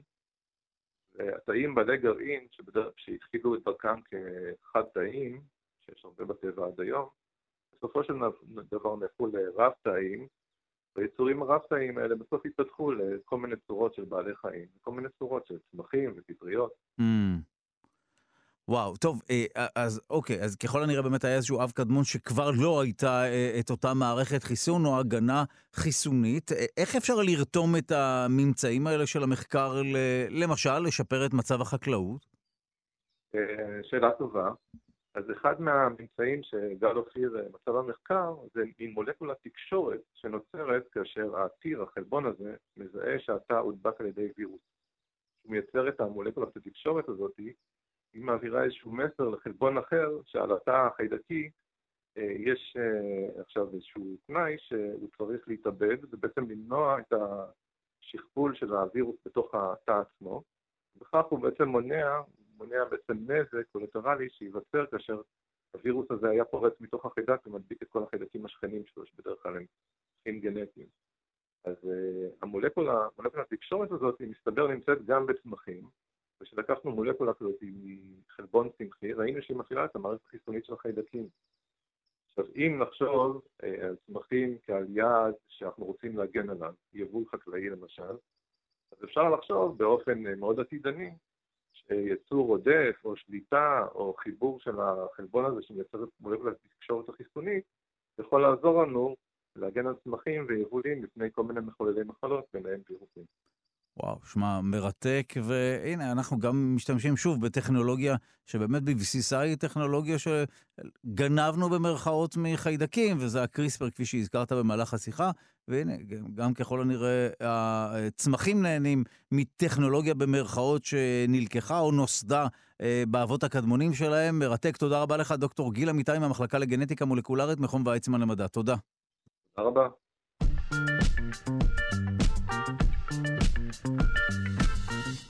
מהו המנגנון שמאפשר לפטריה ארמילריה להיות אחד האורגניזמים הגדולים ביותר בכדור הארץ? תשובה לשאלה הזו נמצאת במחקר חדש. שלום לביולוגית ורד שפירא ממכון דוידסון, הזרוע החינוכית של מכון ויצמן למדע, שלום. שלום, שלום. קודם כל, הכירי לנו את הפטריה ושכנעי אותנו שאכן מדובר באחד מהאורגניזמים הגדולים ביותר בכדור הארץ, כן? כן, לגמרי כן, אבל נתחיל מפטריה בכלל, מה זה אומר פטריה? כי פטריות הם יצורים מאוד מאוד מעניינים. קודם כל, הם לא חי, הם לא צומח, הם משהו אחר, יש להם אה, ממלכה משלהם בממלכת החי, והם כן שייכים לעל ממלכה של החיות והצמחים, שנקראים אקריוטים, שהם בעלי גרעין, שיש להם תא שיש לו גרעין, וזה מבדיל אותם מחיידקים שיש להם על ממלכה משלהם, אבל למרות שהם יותר דומים לנו מאשר לחיידקים, הם עדיין יצורים מאוד מאוד שונים ומאוד מאוד רחוקים ממה שאנחנו מכירים. ולמרות שהן גדלות על הקרקע וצומחות מהאדמה, הן לא צמחים, הן לא יכולות לעשות פוטוסינתזה. וזה אומר שהן לא מייצרות לעצמן מזון בתהליך הפוטוסינתזה, ואת זה, את המזון הן צריכות להשיג על ידי זה שהן אה, בעצם מפרישות חומרים לסביבה, מפרישות איזה שהם אנזימים, חומרי עיכול ופירוק לסביבה, שמפרקים חומר אורגני אחר, יצורים אחרים, שאריות של יצורים אחרים. פשוט אוכלות כמונו, אה, חומרים בחוץ, לא מייצרות אה, לבד את הסוכר, כמו צמחים.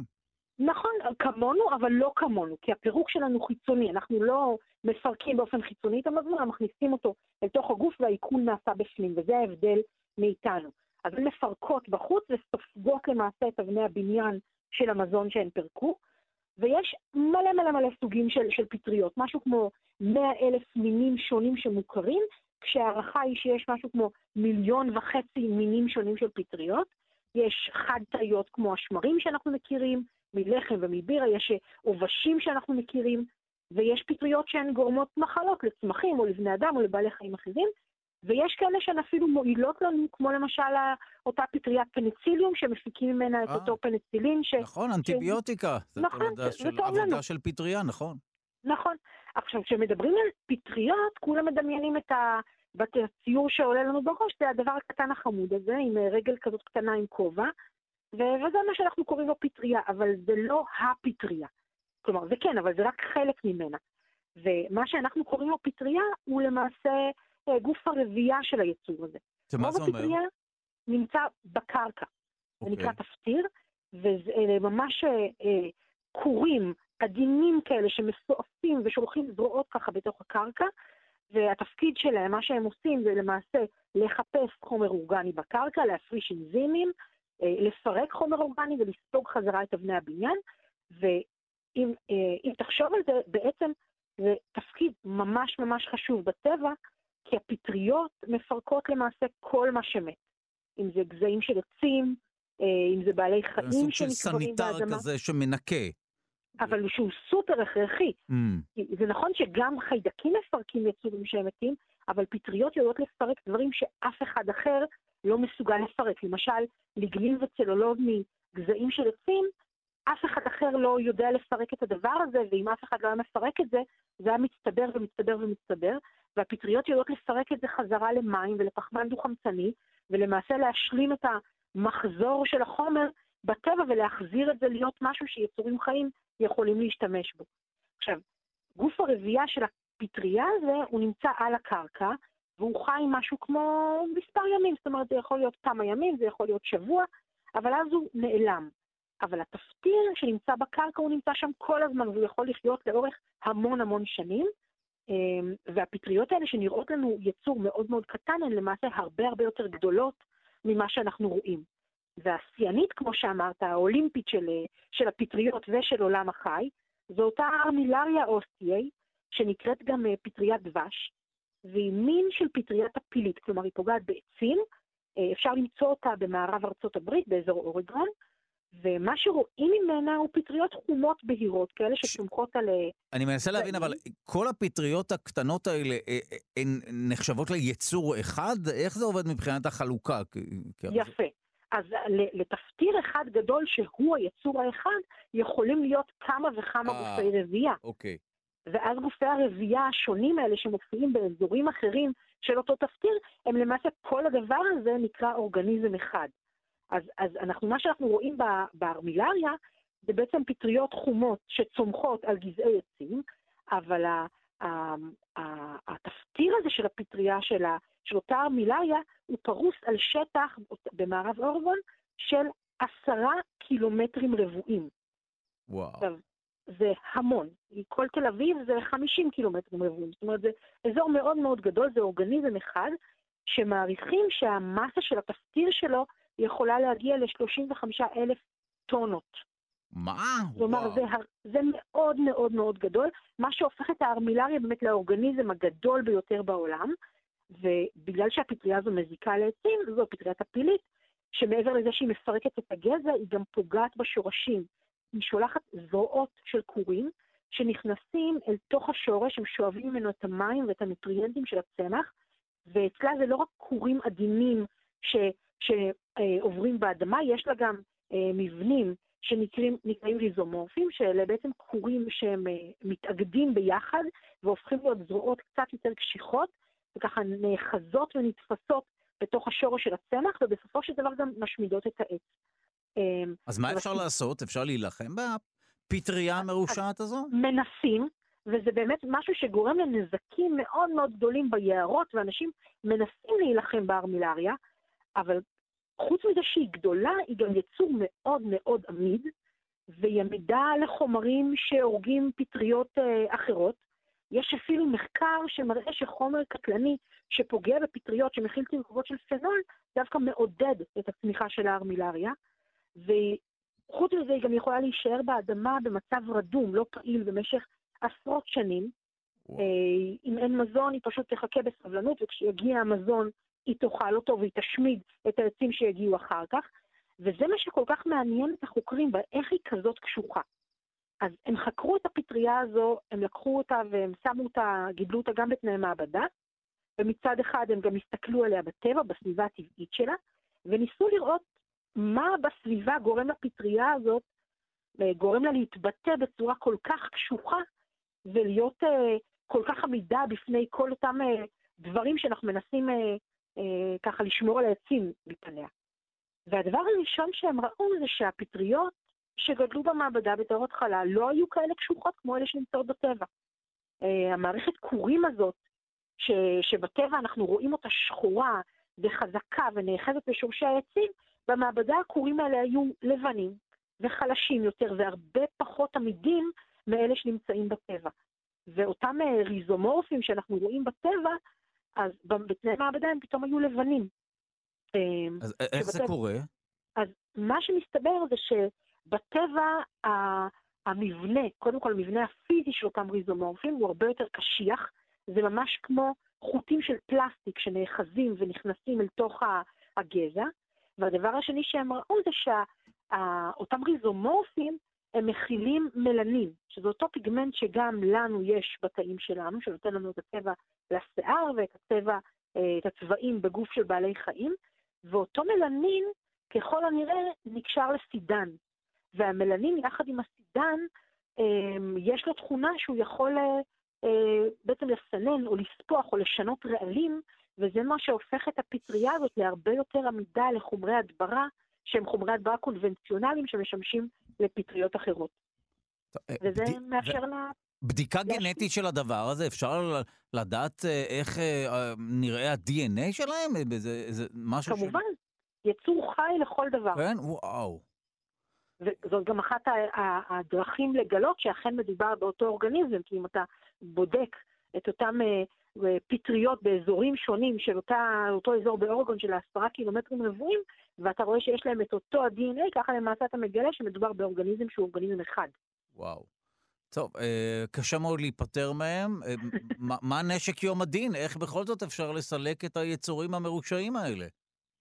אה, צריך להיות חכמים, לא מצאו עדיין פתרון, ומחפשים פתרון, לא לסלק כמו להגן על העצים, אבל איך אמרו לנו, פרקה יורה, life finds a way. אז צריך למצוא דרכים כנראה שאי מגוונות. אפשר לסלק את הפטריות האלה for good, אבל שוב, כפי שגם ככה אמרת בעדינות, כנראה שגם לא נכון להפר את האיזון הזה לגמרי. נכון.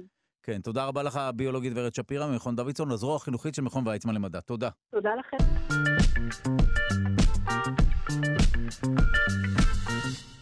באוגוסט השנה נשבר שיא הטמפרטורה, טמפרטורת המים במפרץ אילת 31 מעלות. מה גרם לתופעה הזו? האם זה קשור להתחממות הגלובלית? והאם התופעה הזו קשורה גם להלבנת אלמוגים? תופעה שאנחנו מדברים עליה מדי פעם. אנחנו שמחים לומר שלום לפרופסור אמציה גנין, פרופסור במחלקה לאקולוגיה, אבולוציה והתנהגות, האוניברסיטה העברית והמכון הבין-אוניברסיטאי למדעי הים באילת. שלום. שלום, שלום. ראשית, לפני שנדבר על מה שקורה במפרץ אילת, אה, אני לא רק מרגיש צורך, אלא אני מברך אותך על זה שנבחרת להיות חבר כבוד של העמותה לזואולוגיה בישראל. אני רק עבור המאזינות והמאזינים אה, אה, אסביר או פשוט אקרא חלק מנימוקי הבחירה. במשך כ-25 שנות עבודתו של פרופסור גנים בא- באוניברסיטה העברית, הפרופסור העניק הכשרה באקולוגיה לתלמידים רבים.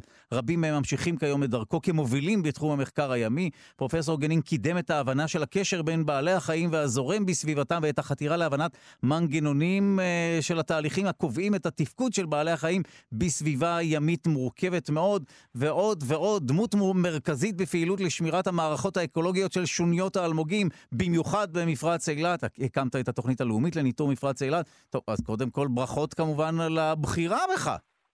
תודה, תודה. אה, אני מקווה שהבחירה לא מוטעית כמו או, שאני מוטעות, כי אני עובד 35 שנים. לא אה, 25 אוקיי, אז ככה היה כתוב. קצת יותר דביל. אוקיי, אבל מה אכפת, אם, אם על סמך 25 שנה אה, זכית להיות חבר כבוד, אז קל וחומר.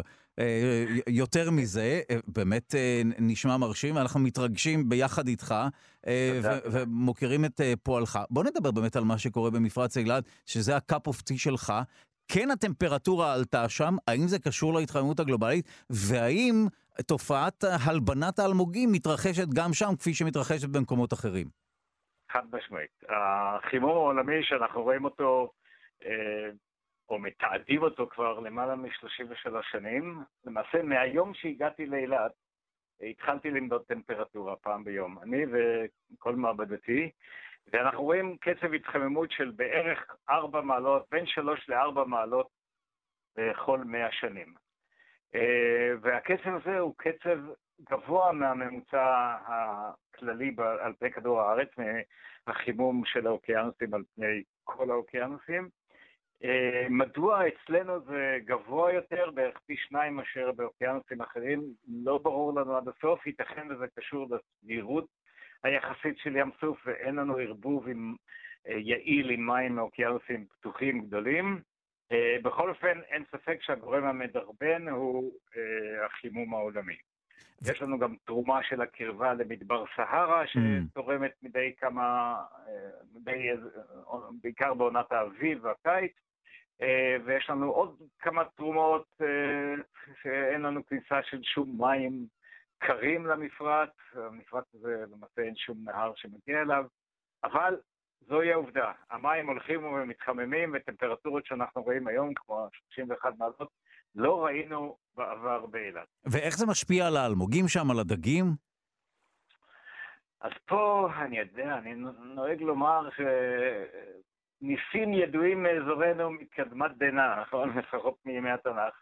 אה, בכל העולם, החימום העולמי שעליו אנחנו מדברים גורם לתמותה רחבת היקף של אלמוגים. למעשה העולם הפסיד סדר גודל של שליש מהאלמוגים שלו. וואו. הכלל הוא שאלמוגים מתים ברגע שהטמפרטורה עולה במעלה וחצי מעל הטמפרטורה המקסימלית הממוצעת. זאת אומרת, אם אנחנו לוקחים את המקסימום של הרבה מאוד שנים, ומסתכלים על שנה מסוימת, והטמפרטורה באותה שנה, בקיץ מן הסתם, עולה במעלה וחצי על אותו ממוצע רב-שנתי, האלמוגים מתחילים להלבין. מה זה להלבין? אולי כדאי לתת קצת הקדמה לטובת אלה שלא יודעים מה זה אלמוג. בבקשה, ברור. אז אה, אלמוג הוא למעשה אה, יצור שהוא מורכב מבעל חיים, שחי בשיתוף עם עצה. אפשר להמשיל את אותו בעל חיים לחקלאי שמגדל ירקות. האלמוג במקרה שלנו מגדל את הירקות האלה בתוך הגוף שלו, זה עצות סימביונטיות, עצות שיתופיות.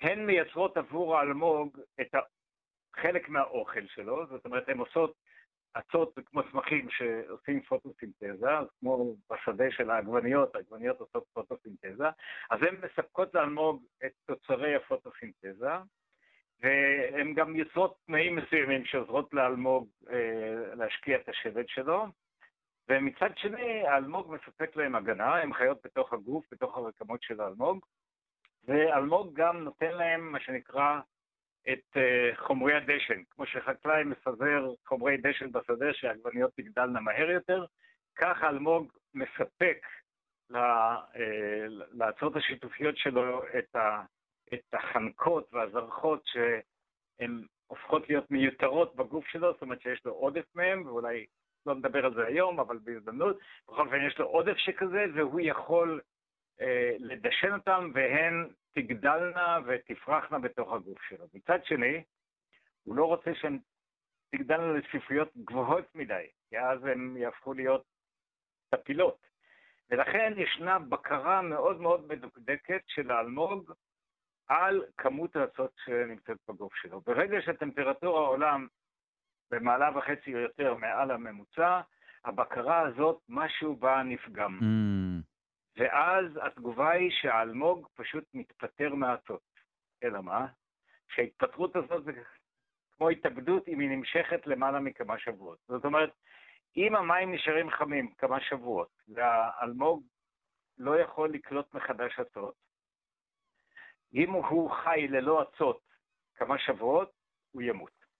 הוא לא יכול, הסימביוזה הזאת, אנחנו קוראים לה בז'רגון שלנו אובליגטורית או הכרחית, הסימביוזה הזאת, האצות לא יכולות לחיות בלי אלמוג, ואלמוג לא יכול לחיות בלי האצות. ולמשך תקופה ה... מסוימת, אם האיזון הזה מופר, אה, בזכות במרכאות כמובן אה, טמפרטורת מים שעולה, אז האצות עוזבות את האלמוג, והוא הופך ללבן, לא מסוגל לתפקד. לאורך זמן הוא עשוי למות.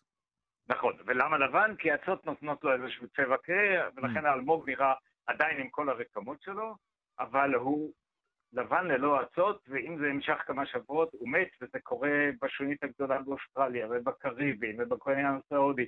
בכל מקום בעולם יש לנו הלבנה, למעט מקום אחד. אז זהו, אז איך זה לא קורה באילת, מלבד כמובן הסברים מיסטיים?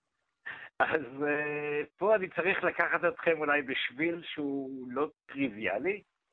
Uh, אני אנסה לעשות את זה בקצרה ובאופן שאולי יהיה מובן. אז ככה, אלמוגים היו קיימים באוקיינוסים למעלה מ-400 מיליון שנה, והם נפוצים בכל המים, אזורי המים החמים. זאת אומרת, באוקיינוסים טרופיים וסוב-טרופיים. כך היה גם בעבר בים סוף, ואלמוגים היו תמיד בים סוף, כל זמן שהתנאים היו מתאימים. אבל לפני 20 אלף שנה, בתקופת הקרח האחרונה, פני המים, מכיוון שהרבה מים מהאוקיינוסים הפכו להיות קרח שכיסה את אירופה ואמריקה, אה, הרבה מים נגרעו מהאוקיינוסים והפכו להיות מים על פני היבשה, ופני המים ירדו בערך ב-120 מטר. עכשיו בואו נבחן לרגע את ים סוף. ים סוף הוא צר וארוך, בערך 2,000 קילומטרים. אה, בכניסה מהאוקיינוס ההודי אל ים סוף ישנו מפתן במקום שנקרא מיתרי באבל מנדל, היום אנחנו שומעים עליהם בהקשרים לא אקולוגיים. במפתן הזה, שעומקו 137 מטרים, נכנסים המים לים סוף שצריכים לפצות על ההתאדות. ההתאדות במפרץ, בים סוף היא התאדות מאוד חזקה, כי כמו שאמרתי, אין שום נהרות שנכנסים לים סוף, אין שום אספקה של מים מבחוץ. אפילו הנהר הגדול, הנילוס, שמביא הרבה מים מאפריקה, גם הוא נשפך לים תיכון ולא לים סוף, הולך במקביל לים סוף. ולכן כל הזמן נכנסים מים לים סוף כדי לפצות על ההתאדות. ההתאדות היא בסדר גודל של חצי סנטימטרים, סנטימטר עד סנטימטר ליממה, קח אלפיים קילומטרים ואת הרוחב של כמה עשרות קילומטרים בים סוף, ותקבל כמויות מים אדירות שחייבות להיכנס לים סוף, לפצות על השקיעה שלו, אם אתה רוצה, בגלל התאדות המים. אבל זה לא כל הסיפור, כי המים שהופכים להיות יותר מלוכים, בגלל ההתאדות, הם גם הופכים להיות כבדים יותר, ולמעשה יוצאים מעל המפתן.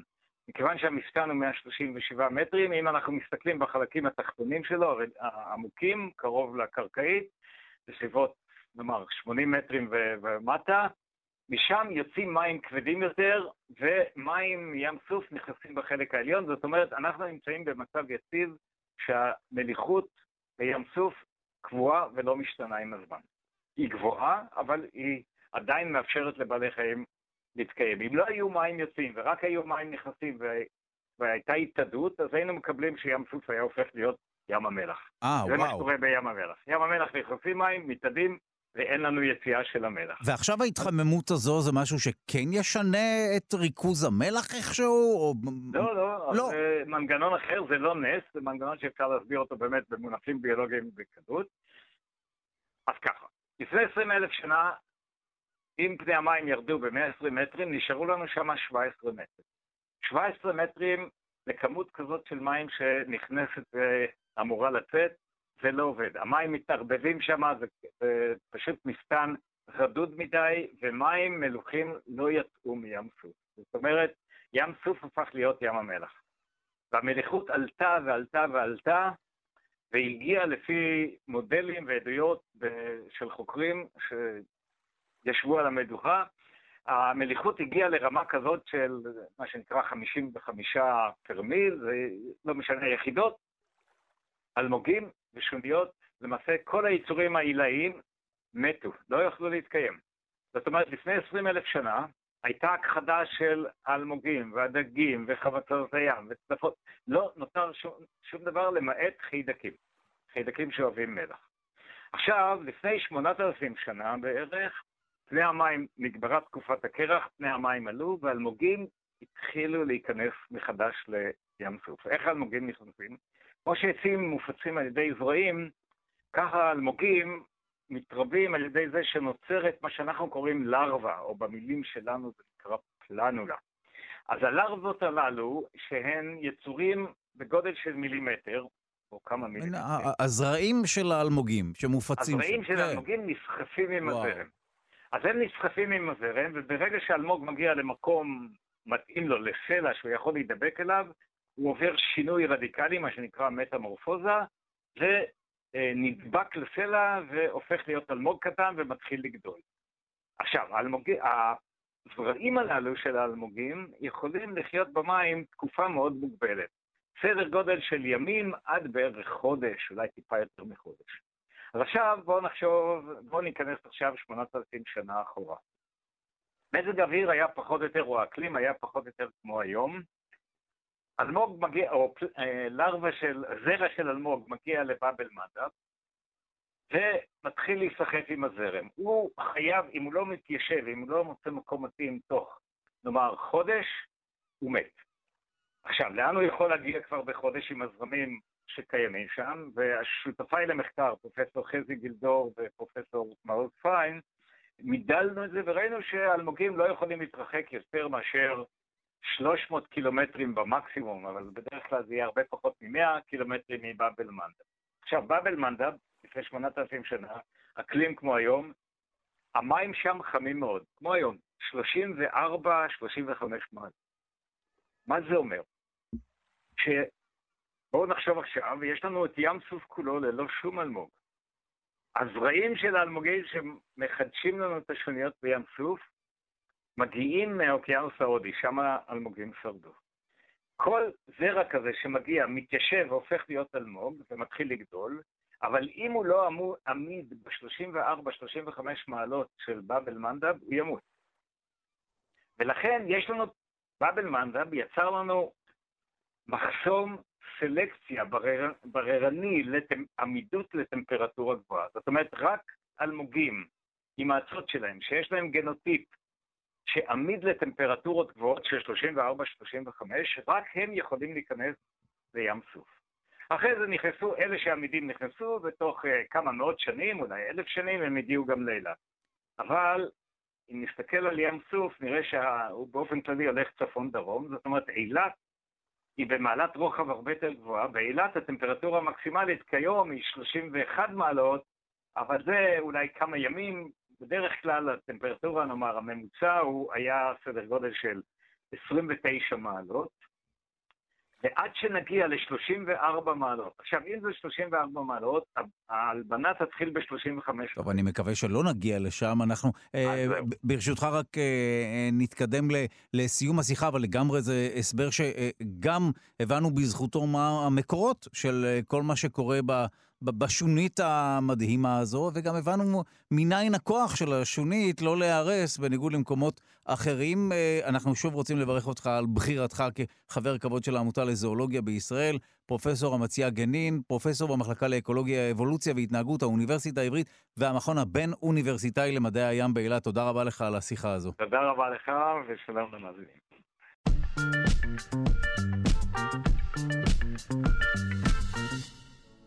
ובמסגרת פינת הקיימות נעסוק במיזם Kite Pride.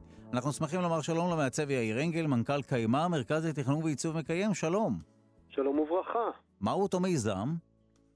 אז Kite Pride אה, זה בעצם אה, מותג בוטיק ישראלי, אה, אבל זה גם עסק חברתי שממוקם בתל אביב, והמטרה שלו היא, למרות שזה נשמע מאוד חזוני, היא לייצר אימפקט חיובי על העולם. ומה שהם עושים, הם מייצרים תיקים ייחודיים ו- ומאוד איכותיים בעבודת יד, ומשתמשים במצנחי רחיפה ובמפרשים, ובעוד כל מיני אה, אה, חומרים מהספורט הימי, אה, כאלה שהתבלו ונקראו, והם אה, מייצרים איתם פרנסה שיקומית לנשים וגם גברים שיוצאים ממעגל הזנות. וואו, ואלה לגמרי תיקים שהנה, אני רואה עכשיו את הקטלוג שלהם, תיקים שעשויים מאותם מצנחים לשעבר. נכון, וואו. נכון, ממש. עכשיו, אה, זה, זה סיפור, כאילו הם מנסים לעשות הכל, באמת, אה, אה, לא רק עסק שהוא מתעסק ב... בשימוש מחדש ומחזור של חומרים, אלא ממש גם המטרה שלהם היא מטרה חברתית מאוד מאוד מוצהרת.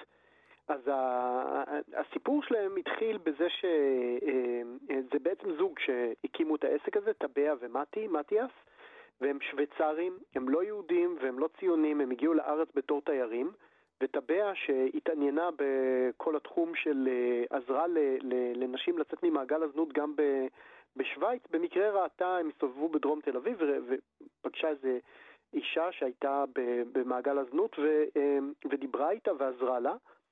והם התחילו לחפש כל מיני דברים והחליטו שהמקום שלהם זה בישראל והם רוצים לעבור לפה ולעזור לנשים לצאת מהמעגל הזה וגם גברים, זה מיועד אה, גם לגברים ולטרנסג'נדרים. אמ, ומדובר בעצם באנשים שנמצאים בתוך איזשהו מעגל כלכלי, הם לא יכולים uh, לצאת ממנו הרבה פעמים, הם, הם, הם לא בחרו את, ה, את הכיוון הזה בחיים, אלא הם נתקעו בו, והחיים שלהם פשוט ניזוקו ואין להם דרך לצאת מזה. וכמו שטבע סיפרה לי בריאיון שעשיתי לקראת הפינה, היא אמרה שהאנשים שהיא פגשה, אמרו לה, אל תרחמי עלינו, פשוט אה, אין לנו עבודה אחרת.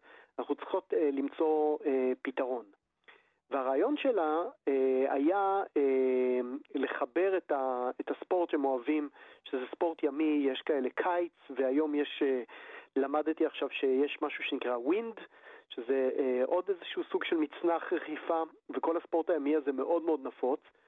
אה, החומרים האלה שמייצרים מהם את המצנחים, אה, חומרים מאוד מאוד טובים, אנחנו מכירים את זה, זה צריך להחזיק אנשים באוויר, כן? אה, מדובר גם על מפרשים של יאכטות, אה, כאילו אה, חומרים מאוד מאוד יקרי ערך, וזה מתבלה עם הזמן, ואנשים שמתעסקים בספורט ימי, הרבה פעמים זה נקרע או נחתך ואי אפשר לתקן את זה. ואין מה לעשות עם החומרים האלה. החומרים האלה הם פוליאסטרים, אה, חומרים פלסטיים מאוד חזקים, לפעמים מוסיפים להם אה, קרבון או כל מיני חיזוקים ואי אפשר למחזר אותם, בעצם אי אפשר להתיך אותם ולייצר מהם חומרים חדשים ואנשים פשוט אה, זורקים אותם ומטמינים אותם, אין מה לעשות עם זה. אבל מה שכן אפשר, אפשר לקחת את החומרים האלה, לשטוף אותם, לייבש אותם, כאילו לנקות אותם, ולגזור ולעצב מהם תיקים חדשים, והחומרים האלה הם חומרים מעולים, מאוד מאוד צבעוניים, מאוד יפים, ואפשר ליצור מזה תיקים מרהיבים. אמ, וזה, והם חיברו את שני הדברים האלה. הם הקימו עסק, אה, עסק חברתי זה עסק שבעצם לא נועד למטרת רווח. זאת אומרת, כל, ה, כל המפעל הזה, כך הם כותבים גם באתר שלהם, כל כולו נועד להשיב את, ה, את הכסף הזה לחברה ולשפר את אה, מצבן כמובן, לשקם את אותן נשים שבין היתר נקלעו למעגל הזנות וכולי. נכון, נכון, בדיוק.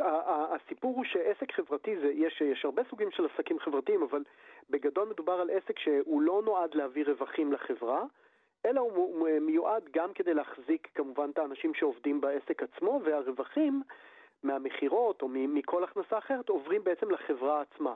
ופה זה חברה בשני מובנים, גם לחברה הקומפני שמייצרת את, ה, אה, את התיקים, וגם החברה, הנשים או האנשים שנחלצים ממעגל הזנות. וכיום אה, מועסקים אצלם, אה, מועסקות אצלם 13 נשים שיצאו מתעשיית הזנות, והצוות כולו מונה 20 אנשים, יש עוד אנשים, יש אה, עובדות סוציאליות, יש אנשים, יש אנשי ניהול ש, שעוזרים להרים את, ה, את העסק הזה, והם פשוט, הם, הם מגיעות אליהם נשים, ועוד פעם, גם גברים, אבל בעיקר נשים. הם, אה, עד היום הגיעו אליהם, הם הוציאו 35 נשים וגברים ממעגל הזנות, הם בקשר איתם, האנשים לא חזרו לעבוד בזנות. עכשיו, זה, זה מאוד מעניין, מכיוון שאחרי הרבה שנים של ניסיונות, עבר בעצם לפני, ביולי 2020, עבר החוק להפללת צרכני זנות. נכנס לתוקף. האם הוא נאכף החוק הזה? זהו, הוא נאכף, כן, כן, הוא נאכף, והוא מטיל קנס על צריכה של מעשה אה, זנות ועל ניסיון לצרוך זנות, אבל בעצם אין מספיק מסגרות שמסייעות לנשים לצאת ממעגל הזנות ואיכשהו לרכוש כישורי חיים ומקצוע חדש. וזה מה שהם עושים. הם בעצם, אה, אה, יש להם שני, שני כיוונים. אחד מהם יש להם את החברה שמלמדת את הנשים גם כישורי חיים, אבל גם איך לייצר תיקים, ויש הרבה מאוד עבודה, יש גזירה, יש אה, אה, תיקון, אה, יש עיצוב וייצור, אבל יש גם אריזה ומכירה, ויש להם אתר אינטרנט, כמו שאמרת, אני ממש ממליץ להיכנס ולקרוא, יש שם דברים מאוד מעניינים. אה, והן בעצם תופרות תיקים כאלה ומוכרות אותם בכל העולם. מצד שני הם הקימו גם עמותה שיש לה סוג של אקדמיה לחיים, אפשר לקרוא לזה, שמסייעת לנשים אה, ממש ב, ב, ב, בללמוד מחשבים, כישורי חיים, איך לכתוב קורות חיים, איך, איך בעצם להשיג דרך ליצור להם עבודה אחרת שהם יוכלו לצאת מהמעגל הנורא הזה. עכשיו, ה- עוד דבר נוכל, מאוד מאוד מעניין פה, שיש פה אה, עבודה קהילתית. הם מקבלים את המפרשים האלה, הם צריכים אה, להשיג כל הזמן חומרים, וצריכים להיות בקשר עם אנשים. טבע סיפרה לי שבדיוק אתמול היא חזרה מסיור בכל רחבי ישראל, אספה, אה, הייתה בעכו, פרדס חנה, רשפון, נסעה בכל הארץ, יש להם מרכזים שמבקשים מסרפרים אה, להביא להם אה, ציוד קרוע והם אוספים אותו. כל מי שמביא מפרש כזה או, או, או סוג של אה, חומר אה, שהוא לא צריך אותו יותר, מקבל במתנה תיק שנתפר מהחומרים האלו, ונוצרה קהילה. היא אומרת שאף פעם לא היה להם בעיה של חומרים, להפך אנשים פונים אליהם, הם שמחים שיש משהו לעשות עם המפרש הישן שלהם, וגם מקבלים צ'ופר תיק קטן מתנה, ובעצם נוצרת קהילה אה, מקבילה, יש פה כאילו מענק, מעניקים אה, אה, חיים חדשים גם לחומרי הגלם שיוצרים מהם תיקים חדשים וגם לאנ- לאנשים ונשים שמקבלות אה, אפשרות אה, ליצור אה, חיים חדשים אה, שלהם אישית. לגמרי פרויקט מבורך. אה, 14 אלף בני אדם עוסקים בזנות אה, בישראל, כך אה, על פי מה שכתוב בשער של האתר שלהם, וכל אדם הוא אה, עולם ומלואו. בהחלט. אמ, אה, צריך לציין שיש כאלה דברים הרבה, בהרבה מקומות בעולם שמייצרים גם ממפרשים וגם ממודעות פרסומת ישנות, אה, מפלסטיק מייצרים איזה תיקים, אבל אין אף עסק, זה, זה עסק מאוד מאוד ייחודי, שמשלב פה גם את, ה, את המחשבה הסביבתית וגם משלב את המחשבה החברתית, ואני חושב שמי שצריך תיק ומחפש תיק שיש מאחוריו סיפור יפה, נכון. שגם עוזר לאנשים, זה בהחלט כיוון מאוד מאוד מעניין. לגמרי. תודה רבה לך, המעצב יאיר אנגל, מנכ"ל קיימה, מרכז לתכנון ועיצוב מקיים. תודה. תודה רבה.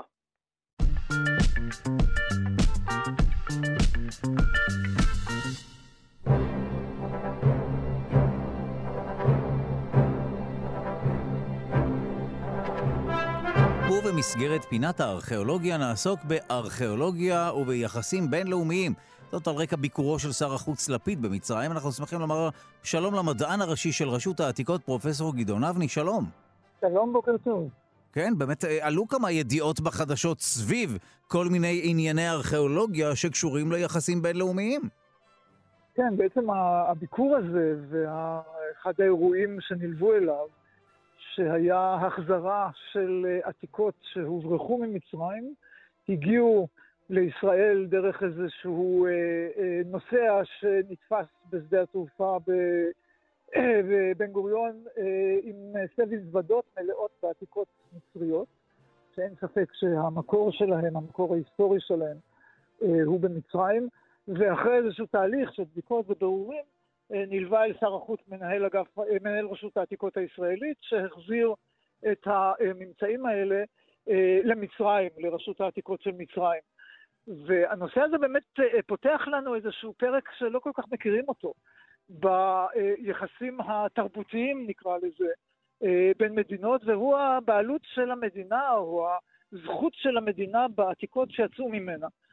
הסיפור הזה לוקח אותנו למאה ה-19, לכוחות הקולוניאליים האירופאים שפעלו במזרח התיכון ובעצם העבירו בצורה שיטתית את אוצרות הארכיאולוגיה מהמקומות שבהם הם התגלו. זאת אומרת, חלק מהעניין בקולוניות היה בין היתר למצוא כל מיני ממצאים ארכיאולוגיים ולהעביר אותם למוזיאונים המפוארים שלהם. לגמרי, אם אתה כן. הולך היום לבריטיש מוזיאום בלונדון, או ללובר בפריז, או למוזיאון בברלין, או גם למוזיאון הארכיאולוגי באיסטנבול של היום, אתה תמצא שם את כל, אפשר להגיד, זכיות החמדה של המזרח התיכון. שפשוט העבירו אותם לאירופה, כי אה, התפיסה הייתה ששם התרבות, ששם אה, בעצם המקום הראוי אה, לחפצים הללו.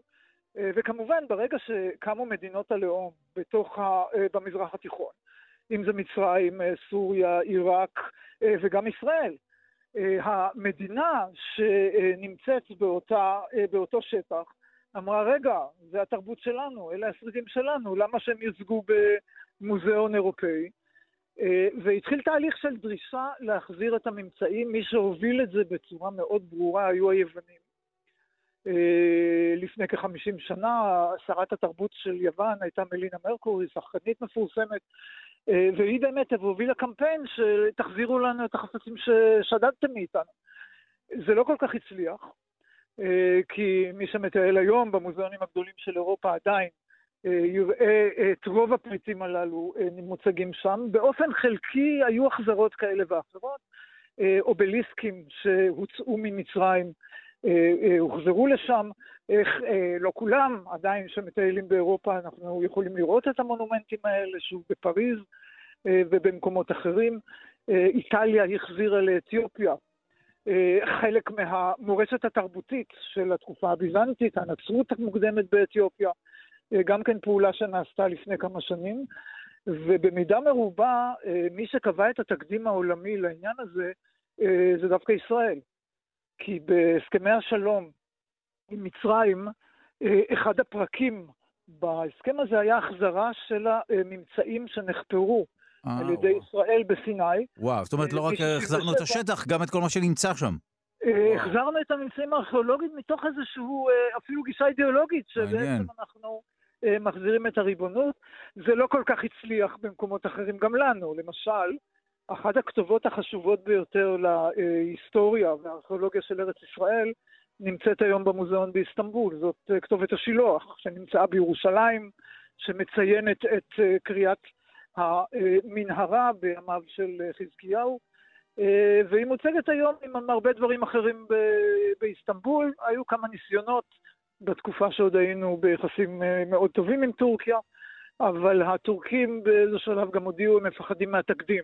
אם זה יקרה איתנו, כל האחרים יבואו וירצו את החפצים האלה חזרה. כך שהנושא הזה הוא עדיין לא פתור, אבל המודעות אליו אה, הולכת וגדלה. אה, גם המודעות של המדינאים והפוליטיקאים, שלפעמים משתמשים בזה אה, כאיזשהו כלי ליצירת רצון טוב. Mm. על אחד הסיפורים הפחות ידועים, אה, כשארצות הברית התחילה את אה, המשא ומתן עם איראן בימיו של הנשיא אובמה, החזירה ארצות הברית לאיראן, לאיראן כלי מאוד נדיר, כלי מכסף, ששייך לתרבות הפרסית הקדומה, התרבות האחמנית, בשנת 2013. אלא מה, יצא קצת פדיחה מהעניין הזה, כי אחרי שהכלי חזר ברוב טקס לאיראן, התברר שהוא מזויף. אז לא בדיוק אה, אה, השיגו את המטרה, לא ברור גם למה היו צריכים אה, אה, אה, אה, לעשות אה, אותות של רצון טוב לאיראן, אבל שוב, זה אה, דוגמה איך הפוליטיקה של היום משתלבת בנכסים התרבותיים של העבר, ולפעמים משמשת כלי כדי ליצור איזשהו אה, רצון טוב, פלטפורמה מדינית, ולפעמים באמת מהכיוון של אה, הרצון להחזיר את החפצים למקומות שמשם הם הגיעו.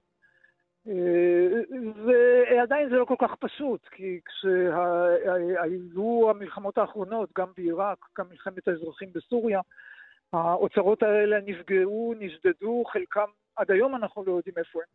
הם צצים בכל מיני אה, אה, שווקי עתיקות באירופה, והדרישה או הטענה הכמעט קולוניאליסטית חזרה ואומרת, רגע, באירופה זה יותר בטוח, למה לנו להחזיר את זה? מי יודע מה יקרה במדינות האלה במזרח התיכון שחדשות לבקרים אה, נקלעות לסכסוכים. גם נכון, האמת. אה, ופוגעות כן. באתרים. גם, אוקיי, זו, זו נקודה מעניינת. משטרים לא יציבים וכולי, אתה מחזיר, אתה לא יודע מה יקרה לזה וכולי. אה, כן, זה באמת המתח הזה בין הרצון של הזהות הלאומית המודרנית, נכסי התרבות של העבר, איפה הם צריכים להישמר. הגישה המקובלת היום שהם צריכים לחזור לאותם מקומות שהם נמצאו בהם, לאותם מקומות שהם היו בהם. אבל כאמור, זה נושא מורכב, הוא לא פתור. אה, ניסו אה, ליצור כמה אמנות בינלאומיות בעניין הזה, ועדיין אה, אולי השורה התחתונה היא שהשרידים האלה צריכים להישמר ולהיות מוצגים לדורות הבאים. אז, אז, זהו, ש... אז מה הנורמות באמת שחלות אם אין אמנות בינלאומיות? אז מה, מה הכללים הנהוגים? אה, אפשר להגיד שאין כללים אה, מוסכמים, עדיין המוזיאונים הלאומיים הגדולים באירופה עומדים על דעתם שהם לא יחזירו את החפצים האלה. מדי פעם יש יוצאים מן הכלל, שוב, הדגם היווני, אה, אה, יש בו כמה יוצאים מן הכלל, הוחזרו חפצים, למשל אה, למוזיאון הגדול באתונה שנפתח לא מזמן, מוזיאון ארכיאולוגי גדול מאוד, שבו יש גם חפצים שהובאו מאירופה, אבל אין עדיין איזושהי הסכמה או איזשהו כלל שמחייב את כולם, והדיונים, ואני מניח שהנושא הזה ימשיך ללוות אותנו בשנים הקרובות, בעשרות השנים הקרובות אולי. טוב, תודה לך על הדברים, פרופסור גדעון אבני, המדען הראשי של רשות העתיקות. תודה. תודה, להתראות.